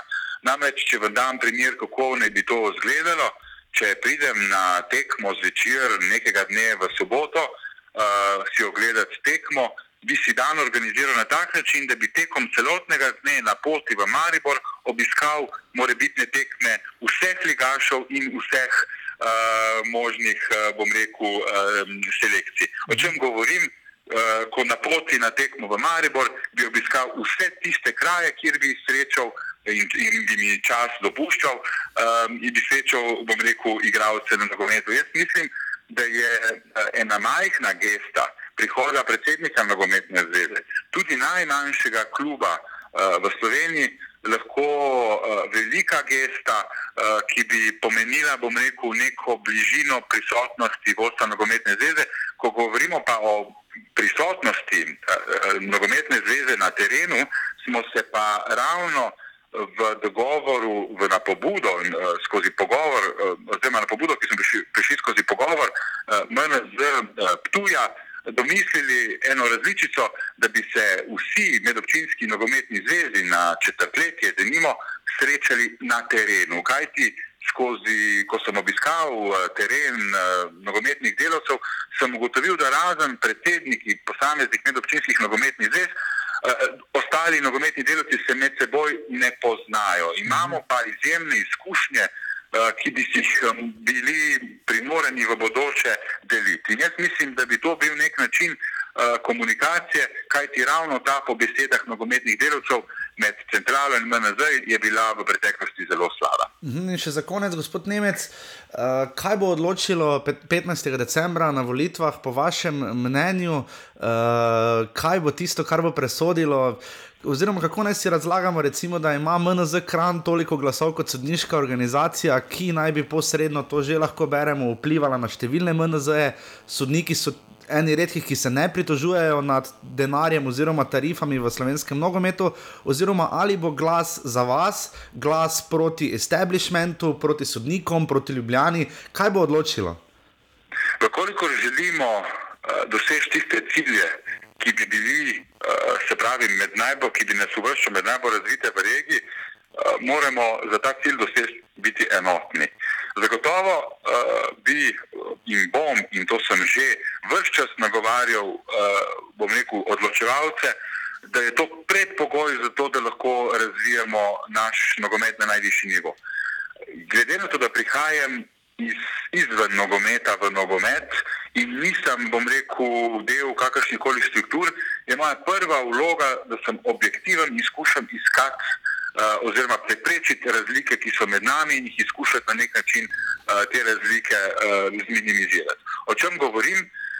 Da bi lahko 15. decembra pre, prevladala želja po nečem svežem, novem, dinamičnem in seveda tistemu, kar bi lahko, uh, bom rekel, naš slovenski nogomet postavilo na najvišji nivo. Jaz uh, vidim v, temu, v svoji kandidaturi ravno to. Ljudje se bodo lahko odločili o tem, ali želijo neko, neko kontinuiteto, ki ni veliko krat dala dobrih rezultatov. Je pa Aleksandr Čeferin pravi dokaz, ko je vstopil v nogomet in prej ni bil viden nogometni funkcionar, lahko zadeve, uh, bom rekel, realiziral na način, da so se dosegli veliki premiki v odnosu do sponzorjev, do izgradnje nogometnega centra ali pa do prisotnosti v medijih. In ravno to je ta priložnost, ki jo ima sedaj nogometni svet, ali želimo delovati v ustaljenih okvirih iz preteklosti, ali pa skupaj z njimi se v prihodnost podati za drugačno vizijo, za drugačnimi novimi prijemi in predvsem uh, poenotiti tiste razlike, ki, ki vladajo med različnimi interesnimi sferami, kot ste jih vi bil že omenil v vašem vprašanju. In še uh, vprašanje sodniškega dodatka uh, v sodnikovem dodatku, kako bi usklajevali funkcijo, na, katero, na kateri ste zdaj, in funkcijo predsednika Nogometne zveze Slovenije. Vemo, da UEFA si zelo želi striktne ločenosti politike in nogometa. Ne? Najverjetneje ste mislili na FIFA. FIFA je tista, FIFA, no. ki na nek način izpostavlja rekel, neke razlike, kajti FIFA pokrije, pokriva območje celotnega sveta in mm -hmm. so te razlike v dojemanju demokracije drugačne. UEFA ima tukaj bistveno bolj liberalen pogled. UEFA pokriva vseeno najbolj demokratične razvite države v političnem in v nogometnem smislu gotovo.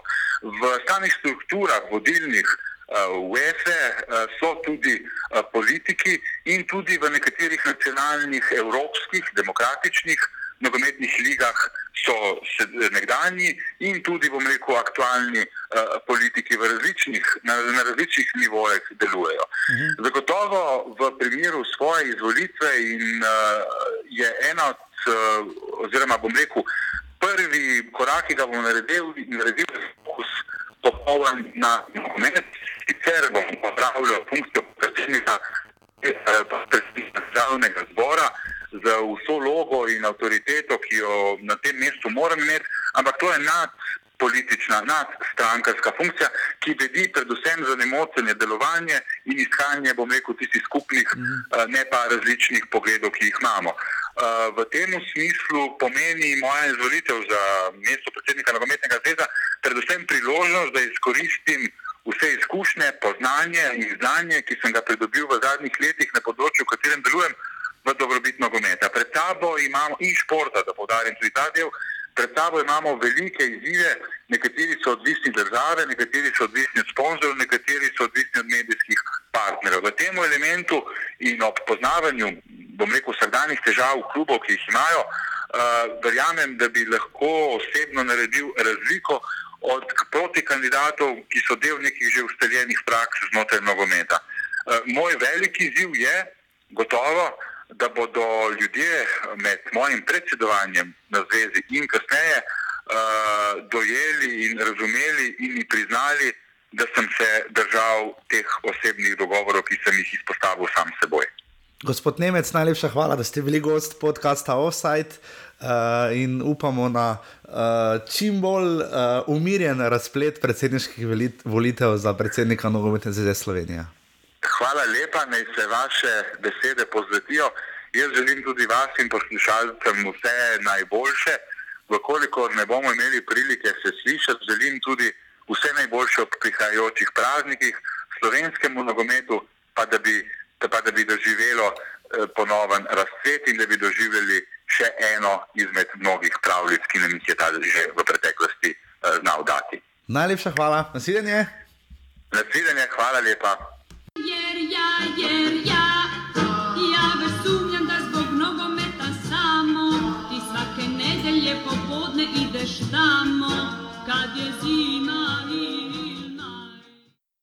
Tako uh, v oddaji Offside gostimo tudi Ivana Simiča, nekdanjega predsednika Nogometne zveze Slovenije, ki je v teh dneh, za katerega smo dal časa mislili, da bo kandidiral za predsednika Nogometne zveze Slovenije, pa si je potem premislil. Gospod Simič, najprej najlepša hvala, da ste si vzeli čas za Offside in dober dan in pozdravljeni v naši oddaji.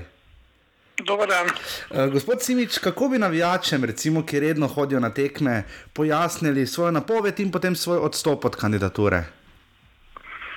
Uh, torej, napoved bi pojasnil kot željo, uh, da poskušamo nekaj narediti uh, v nogometu, da dodati neko dodano vrednost, kajti zadnjih šest let nisem opazil nekega velikega napredka, razen lepega govorjenja. Uh, glede mojega od, odločitve, da, da ne kandidiram, pa bi jaz to navijače povedal, da je to bila najbolj razumna poteza v danem trenutku. Mnogi so me pozneje klicali, nagovarjali, da kljub vsemu kandidiram, to da povedal sem jim, da ne bom in upam, da so me razumeli. Kako bi primerjali kandidaturo na, na vaših, recimo, prvih volitvah, pa danes, zdaj v tem trenutku? Kaj se je spremenilo, kaj je tako drugače?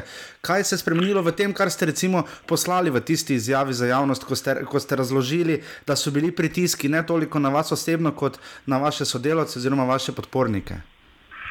Torej, v bistvu, če govorimo o volitvah, jaz sem bil na zadnjih treh volitvah za predsednika NZS, ni velikih sprememb, če izključimo MNZ Ljubljana. Letos se je pač v MNZ Ljubljana dogajalo marsikaj. Dejstvo je, da sem na te volitve hotel iti za podpisi nogometnih klubov in sem še pred sejo izvršnega odbora MNZ Ljubljana zbral 32 podpisov 32 klubov iz MNZ Ljubljana, kar pomeni, da me je krepko več kot polovica klubov predlagala za predsednika, za kandidatiranje za predsednika NZS.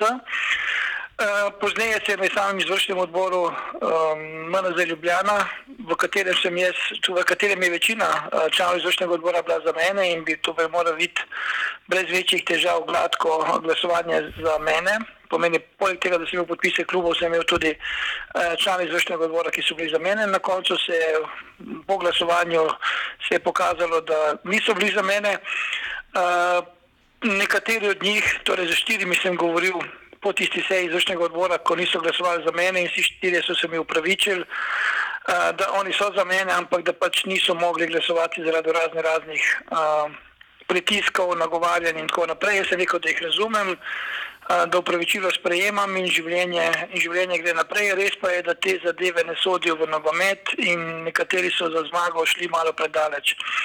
Zmagali so, čas bo pokazal, ali bo to vse skupaj vredno. Mislite, da je v tem primeru umik kandidature najboljše, kar lahko naredite? Lahko bi se odločili tudi in recimo te pritiske imenovali z imeni in priimki in konkretnimi zadevami. Ne? Vi ste se odločili Vete, za umik. V meni za Ljubljano več ali manj vemo, kdo je vršil pritiske in na koga so se vršili pritiske, in to ni nobena, uh -huh. uh, mislim, to ni nobena skrivnost. Uh, glede tega, da bi nadaljeval s kandidaturo, uh, dejstvo je, da če ti ne dobiš ljubljane, potem tudi v ostalih MNZ-jih uh, si ne bodo upali glasovati za tebe, ker nihče ne želi biti na strani uh, morebitnega poraženca, pa mora biti tistega, ki bi lahko bil poraženec. Uh, in to je bila čisto enostavna matematika, in ni imelo nobenega smisla iti naprej. Uh mhm, pri tej matematiki, kako bi razložili potek in način volitev za, za predsednika Nogometne zveze Slovenije? Razlagate, da ima MNZ Ljubljana velik vpliv. Recimo, kako si vi razlagate, da ima recimo sodniška organizacija toliko glasov, recimo kot MNZ in Nova Gorica, Koper, Lendava in Kran? Uh, gledajte, v preteklosti, preden sem jaz postal predsednik. Um, Eh, NZS leta 2009 sta sodniške in trenerske organizacije imele po tri glasove, eh, tudi MNZ je imel takrat več glasov. Uh mhm. -huh. Potem sem jaz povedal, da enostavno moramo narediti spremembo.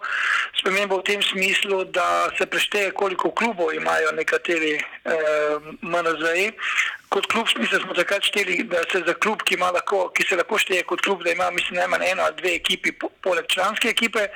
In po teh izračunih so pač tako Gorica, Koper in Tima nazaj dobili Lendava in kraj dobili po dva glasova, ker mhm. nimajo več klubov.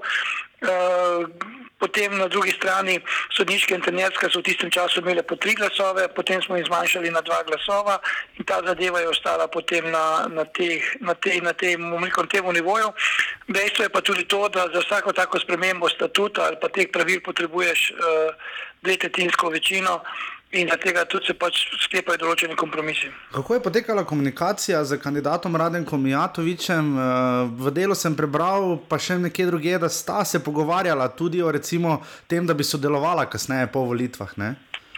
A, torej, zadeva je bila sledeča. Torej, Radenka Mjakoviča poznam zelo dobro, mhm. bil je dvakrat moj podpredsednik, torej tako v medobčinski eh, nogometni zvezi Ljubljana in pa v, na NZS. In to je bilo v tistem času, ko si je predsednik sam izbiral svoje podpredsednike. To mhm. pomeni, da sem mu zelo zaupal in zato sem ga tudi dvakrat imel kot svojega podpredsednika.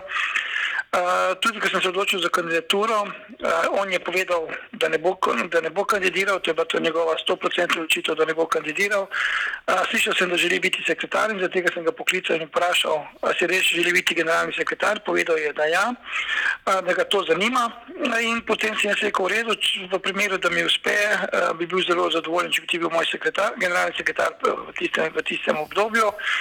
No, pozneje si je premislil in ko sem ga klical, je rekel, da bo kandidiral, sem rekel super. Uh, in to je bila pač najna zadnja komunikacija, po tistem niso imeli več nobene komunikacije, razen uljudnostnega pozdrava na medovčinski nogometni zvezi Ljubljana. In moram povedati, da me je na nek način razočaral, kajti nekajkrat se ni držal svojih besed. Najprej je povedal, da ne bo kandidiral, ko je postal začasni predsednik, se je odločil za kandidaturo. Ne. V začetku je tudi povedal, mislim, da je bilo na planet TV, da ne ve, ali ima podporo predsednika UEFA, eh, danes trdi, da jo ima in da jo je imel vse čas. Pomeni, eh, tukaj me je presenetil, ker res to je bil, bom rekel, oseba, v kateri sem verjel. Mislite, da je odločilna ta podpora bivšega predsednika NZS? Uh, jaz ne bi rekel, da je odločilna, uh, kajti tudi brez te podpore se da, prav gotovo mhm. pa je imela lahko velik vpliv na nekatere, ki so se odločili in tudi verjetno tudi v MNZ Ljubljana, kaj, ampak težko je zdaj karkoli dokazati. Uh, bilo je pa veliko informacij. Uh, da ima določen vpliv. V določenem oziru nas je vendarle pres, presenetila nekoliko vaša kandidatura, glede na to, da ste takrat odšli, da je odšel selektor, da je odšel kapetan takratne reprezentance. Kako to, da ste še enkrat razmišljali o vsem tem, ne, ne na zadnje pa se je reprezentanci pod vašim vodstvom drugič uspelo vrstiti na svetovno prvenstvo? Torej, gre za to, da enostavno, ko, se, ko je Čefrin odstopil, so me, so me pač nekateri klicali, da če, če bi kandidiral. Nekaj časa sem razmišljal, do zgodaj sem se odločil za to kandidaturo in tudi do zgodaj sem je napovedal. E, torej, iz enostavnega razloga videl sem, da se trikrat nismo uvrstili na svetovno prvenstvo, da so minila štiri, torej minilo šest let brez uvrstitev. Takrat, ko sem jaz bil predsednik, smo pač bili na svetovnem prvenstvu, imeli smo odličnega selektorja, imeli smo odlično uh, ekipo. Uh, potem še do tistega, bom rekel, jaz bolj takega spora glede, glede višine premij, ki so bile izplačene tako, tako v najvišji možni meri. Uh, potem se tam tudi umešal sindikat oziroma spin z uh, Stefanovičem, ki je želel tudi svoj košček pogače in tako naprej in tako naprej. In potem sem se v enem trenutku odločil, takrat, ker mi moji podpredsedniki se niso strinjali, da bi Zlatko Zahovič bil športni direktor reprezentant. Uh, sem se odločil, da odstopam. Uh, Torej, z igravci nimam nobenih težav, eh, torej, z tistimi igravci takratne reprezentance, z nekaterimi se še danes srečujemo. Eh, z Matjažem Kekom smo ostali v dobrih odnosih, tudi včasih se slišimo, tudi kakšno tekmo si ogledam na reki in se pozdraviva, tako da uh, vse je super. Odšel sem jaz takrat prvi, drugi odšel selektor Kek, katerega so brez pravim po nepotrebne zamenjali, se je delal zelo dobro in ga je treba samo pustiti, da dela naprej. Robi Koren se je pa tudi odločil, da ne bo igral, ampak ko slišim, Robi Koren dokazuje naprej, da je uspešen na svojem področju in ko vem, se je vrnil nazaj v Anglijo. Kako zgleda primo predaja predsedniška na nogometni zvezi Slovenije? Vi ste takrat nadomestili dolgoletnega predsednika Rudija Zavrla, za vami je prišel Aleksandr Čeferin. Kako to zgleda? Kak, kakšen je potek, kako sodelujete potem v tistem prehodnem obdobju? Ne, ne, gledajte, zdaj, ko pride novi predsednik, se naredi primo predaja, podpiše se zapisnik in zadeva je zaključena. Mi dva z Rudijem Zavrljem smo se poznali odprej, tukaj ni bilo nobenih težav. Uh, tudi, lahko rečem, sem tudi z njegovo podporo postal predsednik. Če njegove podpore ne bi bilo, verjetno tudi ne bi uspel uh, na takratnih volitvah. Um, drugače pa, ko sem jaz odstopil, jaz nisem več v tistega trenutka, ko sem odstopil, nisem več na nogometno zvezo, tako da potem so oni upravili, drugi so upravili to primo predajo. No, Rudija Zavrla se je povprašal, recimo v nekaterih večjih momentih, recimo dodatnih kvalifikacijah z Ukrajino, primer Kampl, za njegovo mnenje. Kako ste tukaj vi? Vi ste se na nek način vseeno malo distancirali od, vsaj medijsko gledano, od nogometa. Kako ostajate v stiku z njim, kako jo spremljate, kako vidite vse to dogajanje, recimo zlasti okrog NZS in reprezentance? O kateri zadevi zdaj govorijo, o Kamplu ali kaj podobnega? Govoriva, govoriva trenutno o trenutnem situaciji Nogometne zveze Slovenije v, v luči reprezentance kot njen največji produkt. Ja, kako ste videli, recimo, vi primer Kampla, kako vidite naše neovrstitve, recimo, kako ne na zadnje vidite podaljšane pogodbe z selektorjem Katancem po neuspelih dodatnih kvalifikacijah? Torej, pogodba s Katancem je podaljšana, Katanc je pokazal, da je dober trener, dosegli so dobre rezultate, so na drugem mestu. To pomeni, da kar se tega tiče, lahko hitro zaključiva, da je Katanc svoje delo opravil dobro. Edini problem je, da so včasih ljudje neočakani in mm. moje stališče je zmeraj, jaz nikoli tako hitro ne menjam trenerjev. Podobno je bilo takrat, ko je bil Kek, ker so nekateri zahtevali, da ga potekne za Severno Irsko, treba zamenjati in se je rekel, da ne, da Kek bo ostal.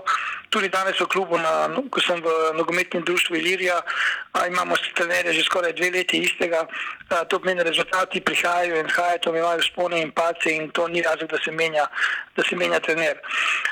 Kako je sedaj na nogometni zvezi poteka delo, nekaj informacij imam in ne želim tega komentirati, oni že vejo, kaj delajo. Kar se pa tiče Kampla, ne vem, jaz, če bi bil predsednik ali pa podpredsednik, eh, v tistem trenutku, ko se je zadeva začela dogajati, bi se sedel na avion ali pa v avto in bi šel do Kampla in bi se z njim pogovoril, tako kot sem to počel takrat, ko je bil Robi Koren. Takšen je pač moj, moj način dela in mislim, da bi to bilo edino pravilno. Se vam zdi primerna praksa, recimo, da predsednik zveze postavi neposredne cilje selektorjev članske reprezentance, kot je recimo uvrstitev na neko tekmovanje? Uh, glejte, uh, ti uvrstitev na neko tekmovanje moraš čutiti. Eh, mi dva smo z Matjažo veliko debatirali o tej zadevi, ko sem jaz dal v svoj program, da bomo šli na svetovno prvenstvo. In takrat mi je rekel predsednik, kako lahko to rečeš. Jaz sem rekel, gledaj, Matjaž, jaz to čutim, čutimo vsi in dajmo nekaj narediti. In smo takrat naredili. Jaz pravim, za tako vrstitev ni dovolj, da si samo dober, ampak moraš biti tudi pošten pri svojem delu.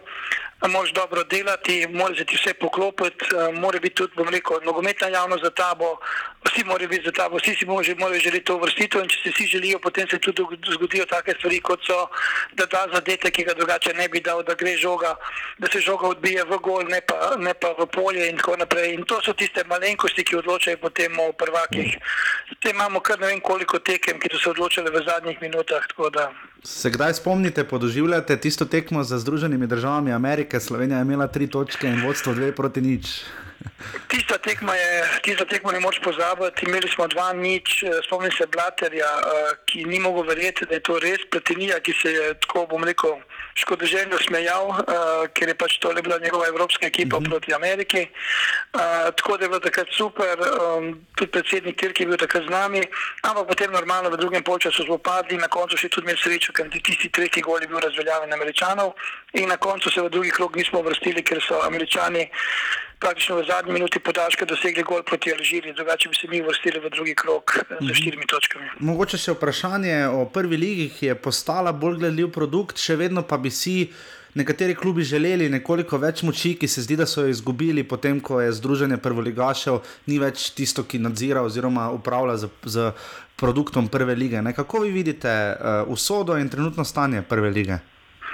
Vete, prva liga je zanimiva, igravci so dobre, tekme so v redu, uh, tudi za tem, bom rekel, s temi televizijskimi prenosi, ki jih izvaja kanal A, to je mu zadetek v polno, uh, popularnost je dvignila, normalno tudi prihod teh razno raznih tujih vlagateljev, predvsem prihod Mandariča na Olimpijo, je do neke mere povečal število gledalcev, čeprav zadnjih, zadnjih tekmah vidimo, da tudi v Ljubljani ni več tako tak, tak obisk gledalcev, kot bi lahko bil na zadnji tekmi, mislim, da je bilo samo tisoč, uh, samo tisoč gledalcev. Uh -huh. uh, kar se pa tiče ostalega, glede vpliva prvolegaških klubov eh, na, na, na svoje aktivnosti, pa prvolegaški klubi in predsedniki prvolegaških klubov sami odločajo, uh -huh. kaj želijo in če si ne upajo pač eh, nekaj narediti, je to njihova stvar.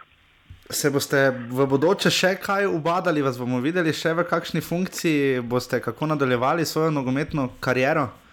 Ne, torej jaz sem v nogometu, sem uh, torej že nekaj časa na nogometnem klubu, torej v nogometnem društvu Ilirija, kjer sem mm. podpredsednik, istočasno sem predsednik povezane pravne osebe, v kateri je, v kateri je člansko moštvo, katerega pač financira nekaj, nas financira nekaj podjetnikov, ki smo se odločili, da bomo nekaj, nekaj denarja vložili v nogomet. Uh, cilj nam je uvrstitev v drugo ligo, trenutno smo prvi v tretji mm -hmm, ligi in računamo na uvrstitev v drugo ligo in potem končni cilj nam je uvrstitev v prvo ligo čez eno, dve do tri leta, koliko pa štiri leta. Torej 2000, do 2020 bi želeli biti v prvi legi. Bo kadarkoli prišlo do pravnega spora glede letnice ustanovitve klubov, gre s tem ljubljani malo težava glede oglaševanja pri Olimpiji, pri Iliri in tako naprej. Ne, ne, ne gledajte, tukaj ni nobene težave. Uh, Ilirija je bila ustanovljena leta 1911. Uh, če greste pogledati register uh, klubov mm -hmm. pri Medvčini, torej na upravni enoti Ljubljana, boste videli, da Ilirija ima upisano letnico 1911, tudi upisano je v statutu. Olimpija ima v svojem statutu upisano letnico 2004. Uh, torej, tudi če gremo gledati zgodovino, uh, tisti klub, ki ne bi vlekel neko zgodovino Olimpije, je, bil, je nastal po drugi svetovni vojni, mislim, da je bil odred in tako mhm. naprej. Uh, torej, Olimpija si je to letnico 1911 prisvojila, mi smo jim že nekajkrat pisali, odgovorili niso nikoli. Uh, tako da pravim, da ta to letnico nezakonito uporabljajo. Tudi če greste na njihovo spletno stran, boste videli, da imajo zapisano, da je leta 1911 bil ustanovljen, ustanovljen nogometni klub Ilirija, ki je predhodnica Olimpije. Torej, ne more biti nekdo predhodnica nekoga, če ta, ki je predhodnica, še obstaja. Ilirija še obstaja, Ilirija je tukaj, Ilirija je najstarejši slovenski nogometni klub uh, iz leta 1911 in tega ni možno vzeti, lahko povzameš, če si aroganten in pač tega ne, ne želiš akceptirati. Mhm. Še to, če Iliri gre letos res dobro v tretji ligi center, kam potem, kje, bo, kje, bo Ilirija, kje bi Ilirija igrala tekme, če bi igrala v prvi ligi?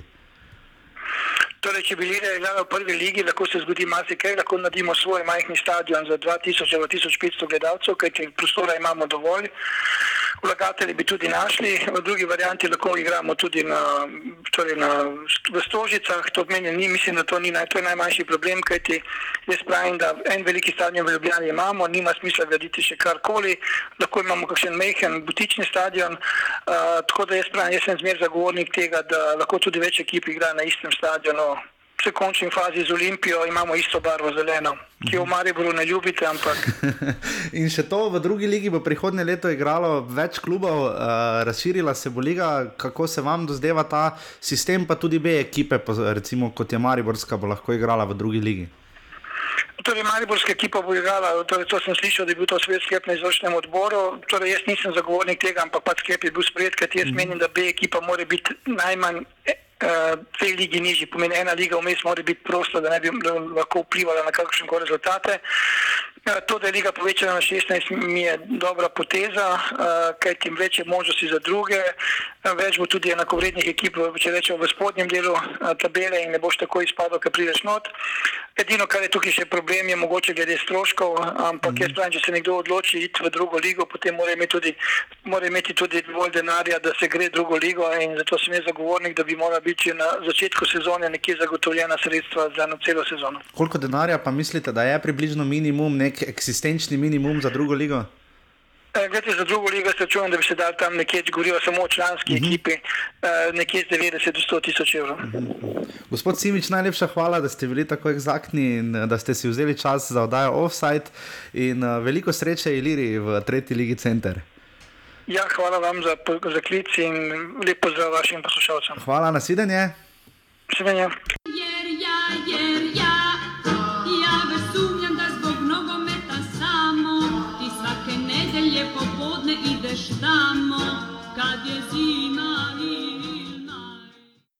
Tako res hvala gospodu Simiču in gospodu Nemcu, da sta sodelovala v naši oddaji. To nam uh, veliko pomeni, zato ker skušamo res čim več aspektov nogometa pokriti čez zimo. Upam, da, upamo, da bomo uspeli gostiti res čim bolj pestre sogovornike iz vseh aspektov nogometa, tudi v drugo, pa tretjo ligo bomo malo pokukali. Uh, pa futsal, pa ženski nogomet, tako da bomo res, da boste dobili čim več uh, občutkov iz terena. Uh, če imate kakšen predlog za gosta, nam prosim pišite na Facebook ali pa na offset, afnaurbani.com. Uh, za kogarkoli bomo vsakega predloga bomo zelo, zelo veseli, lahko tudi sami pokličete, če bi radi sodelovali v oddaji. Iščemo še vedno nekako velenčane, probamo nekaj prepričati, da bi koga uh, gostili, uh, in pa upamo, da bomo do konca sezone, do konca še tega leta ali pa vsaj čez zimo uspeli gostiti nekoga iz Enka Maribor, nekaj malega smo že spostavili stik, tako da res držimo pesti. Um, Imamo pa novega trenerja, ki je prost, ne, ne samo Slovan Krčmarevič, ne Marjan Pušnik, ki je medtem že uh, postal prost. Jaz sem sumil, da če mu bo spodletelo v pokalu, ne, on ima res peh s pokali. to ga je bolj odneslo lani po besedah Milana Mandariča kot tista tekma s Krškim tudi, seveda, ampak bolj jih je bolelo izpad v pokalu in leta se mu isto zgodilo, spet četrt finale, spet ven. Ne. Ja, pa proti zadnjemu na resnici.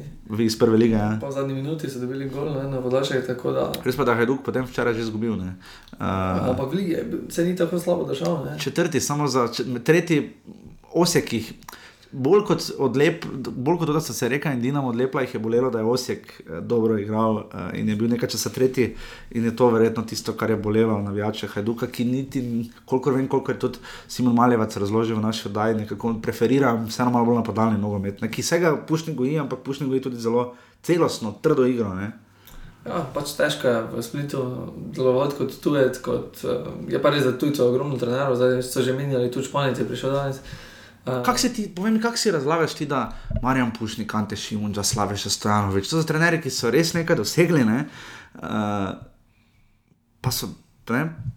brez kluba, zdaj za gospoda Pušnika ne verjamemo, ja, da se ne bo našel. Ti trenerji, vprašanje, če bodo sploh še delovali v nekem slovenskem okolju, vidimo, da Enako je ogromno tujcev v slovenskem nogometu. Vedno več. Vidimo, da je v, Krški, v, v Radomlju imajo uh, tujce. Imajo tudi v, v, v, v Rudarju, Rudarju, Kopru, Celju. Uh, tako da je to tudi ne, vprašanje, pa, če lahko ti igralci, sploh, ti trenerji, sploh sledijo nekim uh, ambicijam klubov, če sploh njihova uprava razume njih. In, uh, to je podobno kot prosenečki, ko v Dinamo, naprimer, ali pa v neki hrvaški nogomet, mm -hmm. nikoli ne bo prišel, ne, ker imajo drugačno razmišljanje. Um, vprašanje je, če lahko sploh te, te trenerje vidimo še v slovenskem okolju. Niso pa slabi, pač res bi radi enkrat videli, kot smo videli nekoč Anteja Šimunča pri Muri, ne, pa se je kar dobro izkazoval za svojimi predstavami. Recimo, je, ni bilo, sploh ni bilo slabo, tudi Robert Pevnik, ki smo ga videli zdaj v studiu kanala. Uh, upamo, jaz bi si samo za kanal res želel, da bodo v Mariju našli še koga drugega gosta, ker stane bil pogosto nekako. Malo je čudno, no? pač je pa res, da v bodo čez nekaj let. No, ne, ampak eh, malo je čudno, pač nasplošno ja, Mariju je res specifičen. Vsi se radi pogovarjamo o nogometu, ni pa tako lahko najti sogovornike, ki bi stopili pred mikrofon, kot to počne naš sogovornik. Klemen.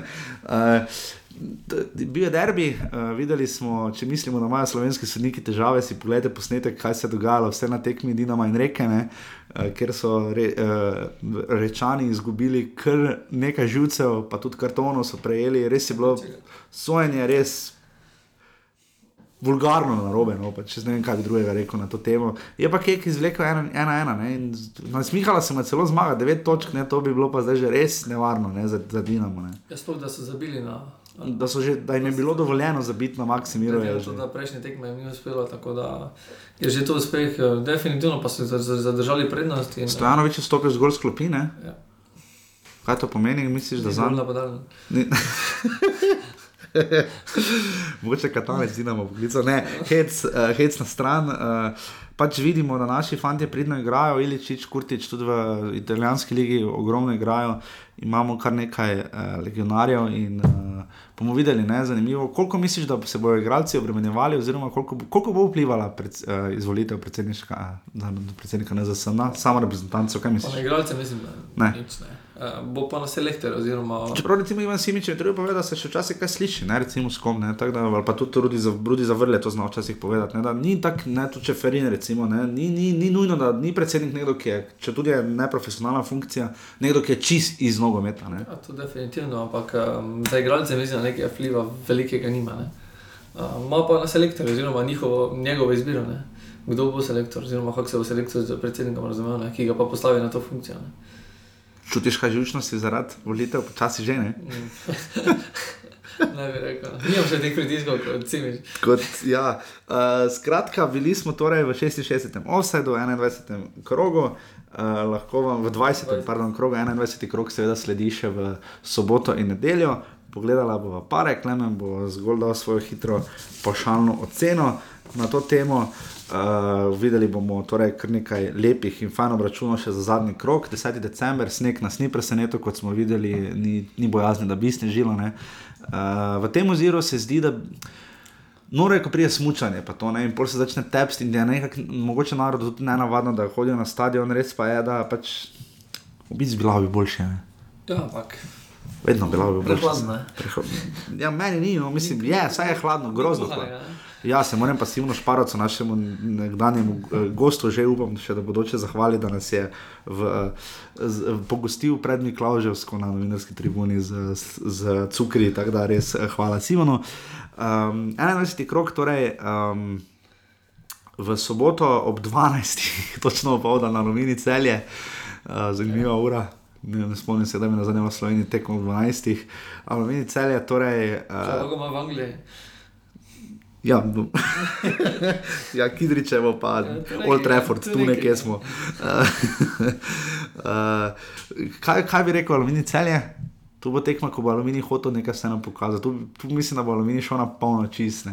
Celjani pa tudi ne. Tukaj tudi mislim, da če ne bo vse aluminij na zadnji tekmi malo se izboljšal, bo tu tudi uh, možna zamenjava. Misliš, da bi to Mislim pa, da tudi je že sam malo upal. Ne? Ja, pa sedeč po izjavi v, na Bonifiki, bojimo se, no, mi bi ga, jaz bi ga rad, mislim, nam je, meni je všeč, no, jaz bi ga rad videl še naprej. No. Vprašanje je pa, koliko še ima energije. To je pa drugo. Če, če toliko štang zadaneš, pa ne daš gola. Ja.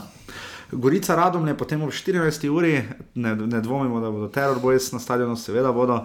Uh, tekma, kjer pričakujejo Goričani, seveda tri točke, uh, proti Radom, pač tako je, to, tako je življenje, bi rekel, že Tomič. Uh, Rudar Koper ob 16. uri, ta tekma bo zelo zanimiva.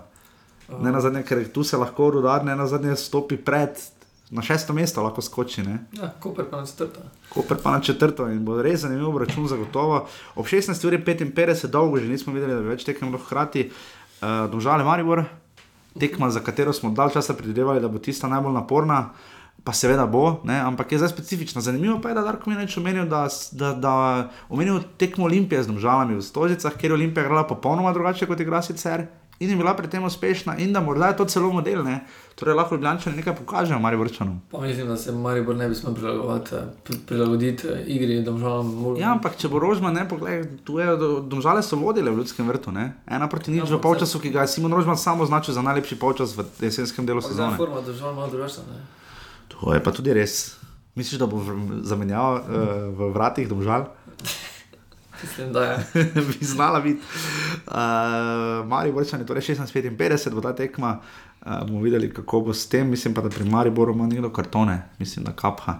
Uh, Olimpija Krško pa potem v nedeljo tekma, ki je lani uh, očarala uh, in je Krško, iz Krškega naredila res jesensko pravljico na nek način, ker so se Krčani takrat res pobrali s tisto zmago in potem zelo solidno obstali v ligi. Uh, z Olimpijo seveda pa štejejo samo tri točke. Ne?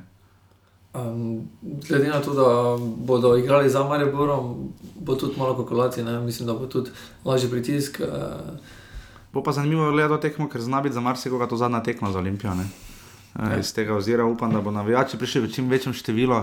E, dobro delajo Olimpija, supporters na Twitterju in socialnih mrežah, res e, dobro tam pišejo, pač ni izgovor, pridite na tekmo. E, tada, m, nikoli ne veš, da je zadnja, tako Agim Ibrahim v Zavrču. ne. ja, gledaj, sorry, kaj naj ti rečem. In potem je to to. ne ne. Ja, in potem je to to, za, kar se tiče jesenskega dela Prve lige Telekom Slovenije. Mislim, da je še ena tekma bila v drugi ligi, da konec tedna, to bomo vse pogledali naslednji teden, ker smo že danes malo dolgi. Povemo še samo, uh, da nas še enkrat lahko finančno podprete, vsake bo šlo na futbol, urbani.si pošiljnica offside, offside 67 bo na sporedu v ponedeljek, 12. decembra. Uh, in pa najpomembnejše stvari, ne. Um, Domžalčani in celjani so se izenačili na vrhu uh, lestvice, offside imajo po 53, aluminij ima 46. Mogoče bo to cilj uh, Bojana Špehonija, da aluminij zmaga na lestvici. Offside Maribor jih ima 45, Rudar 44, Olimpija 40, Gorica 36, Radomljen Krško 34, zaradi izostankov Jake Štromajerja pa ima Koper 24 offsetov. Klemen se bo poslovil za svojim zehanjem. Um, ko smo povedali offset kroga, uh, zadnjo spet premikanje tekem, ampak to, kar bomo pohvalili. Uh, zvezo, morda si bi želeli še malo bolj pestrih gostov, kot je bil Robert Pevnik, recimo v nedeljo v Domžalah na tekmi Radom Olimpija. Gol kroga imamo tri predloge, Rifet Kapič, Leo Menko in pa Dejan Žigon. Uh, Za igralca tega kroga smo zbrali Jasmina Handanoviča, menjava kroga gre največjemu slavu v zgodovini Slovenske lige Luki Vekiču, trener kroga pa seveda David McDonald, pomočnik trenerja Radomel, pa tudi Čaviča bi časno omenili na tej točki. Um, Klemen ima neko posebno informacijo, da vam pove. Tako da, dame in gospodje, če se znajdete v offsetu, nas prosim poslušajte še naprej. Uh, pojdite še ta konec tedna na fusbal, ker potem bo zimska res, pauza res, res, res dolga do 25. februarja, ko se pa vse skupaj vrne z Iberderbijem, uh, ki ta derbi bo pa zihar razprodan, ne glede na to, kako se konča, ta, mislim, da ta, ta, ta derbi razprodan. Ne. Bo pa zelo vplivalo, tako če pogledaš kdo bo, kdo bo, kdo bo prvi, kdo bo drugi. Ne? Ja, pa pripravljeno dobi. To, da je čas, Zanimivo je, pa tudi če spomnimo se lanskega pripravljalnega obdobja, že zadnji dve pripravljalni obdobji Olimpije sta bili res šloh, oni so še šli rani v Poreč pripravljati, oziroma Medolin, Marijo vršil v Turčijo, kamor gre tudi letos, mislim, da tako da. Uh, Bomo videli, kako bo Olimpija upravila letošnje priprave, ker je imela malo tekem, spomnimo se poleti, ne, hrpo grešal, porešal, Rodolfo Vanoli kjerkoli že on je. Tako da to je to, hvala Klemnu, hvala gospodu Nemcu, hvala gospodu Cimiču. Če se znajdete v ostaju, da poslušate na, nas še naprej, slišimo se naslednji ponedeljek, probajte v Lovidi Dres Luke Vekiča, ko boste naslednjič ali Johna Merija. To je to, hvala Klemen. Hvala. Uh, to je to, se slišimo spet prihodni ponedeljek. Čau. Adijo. Jer ja, jer ja.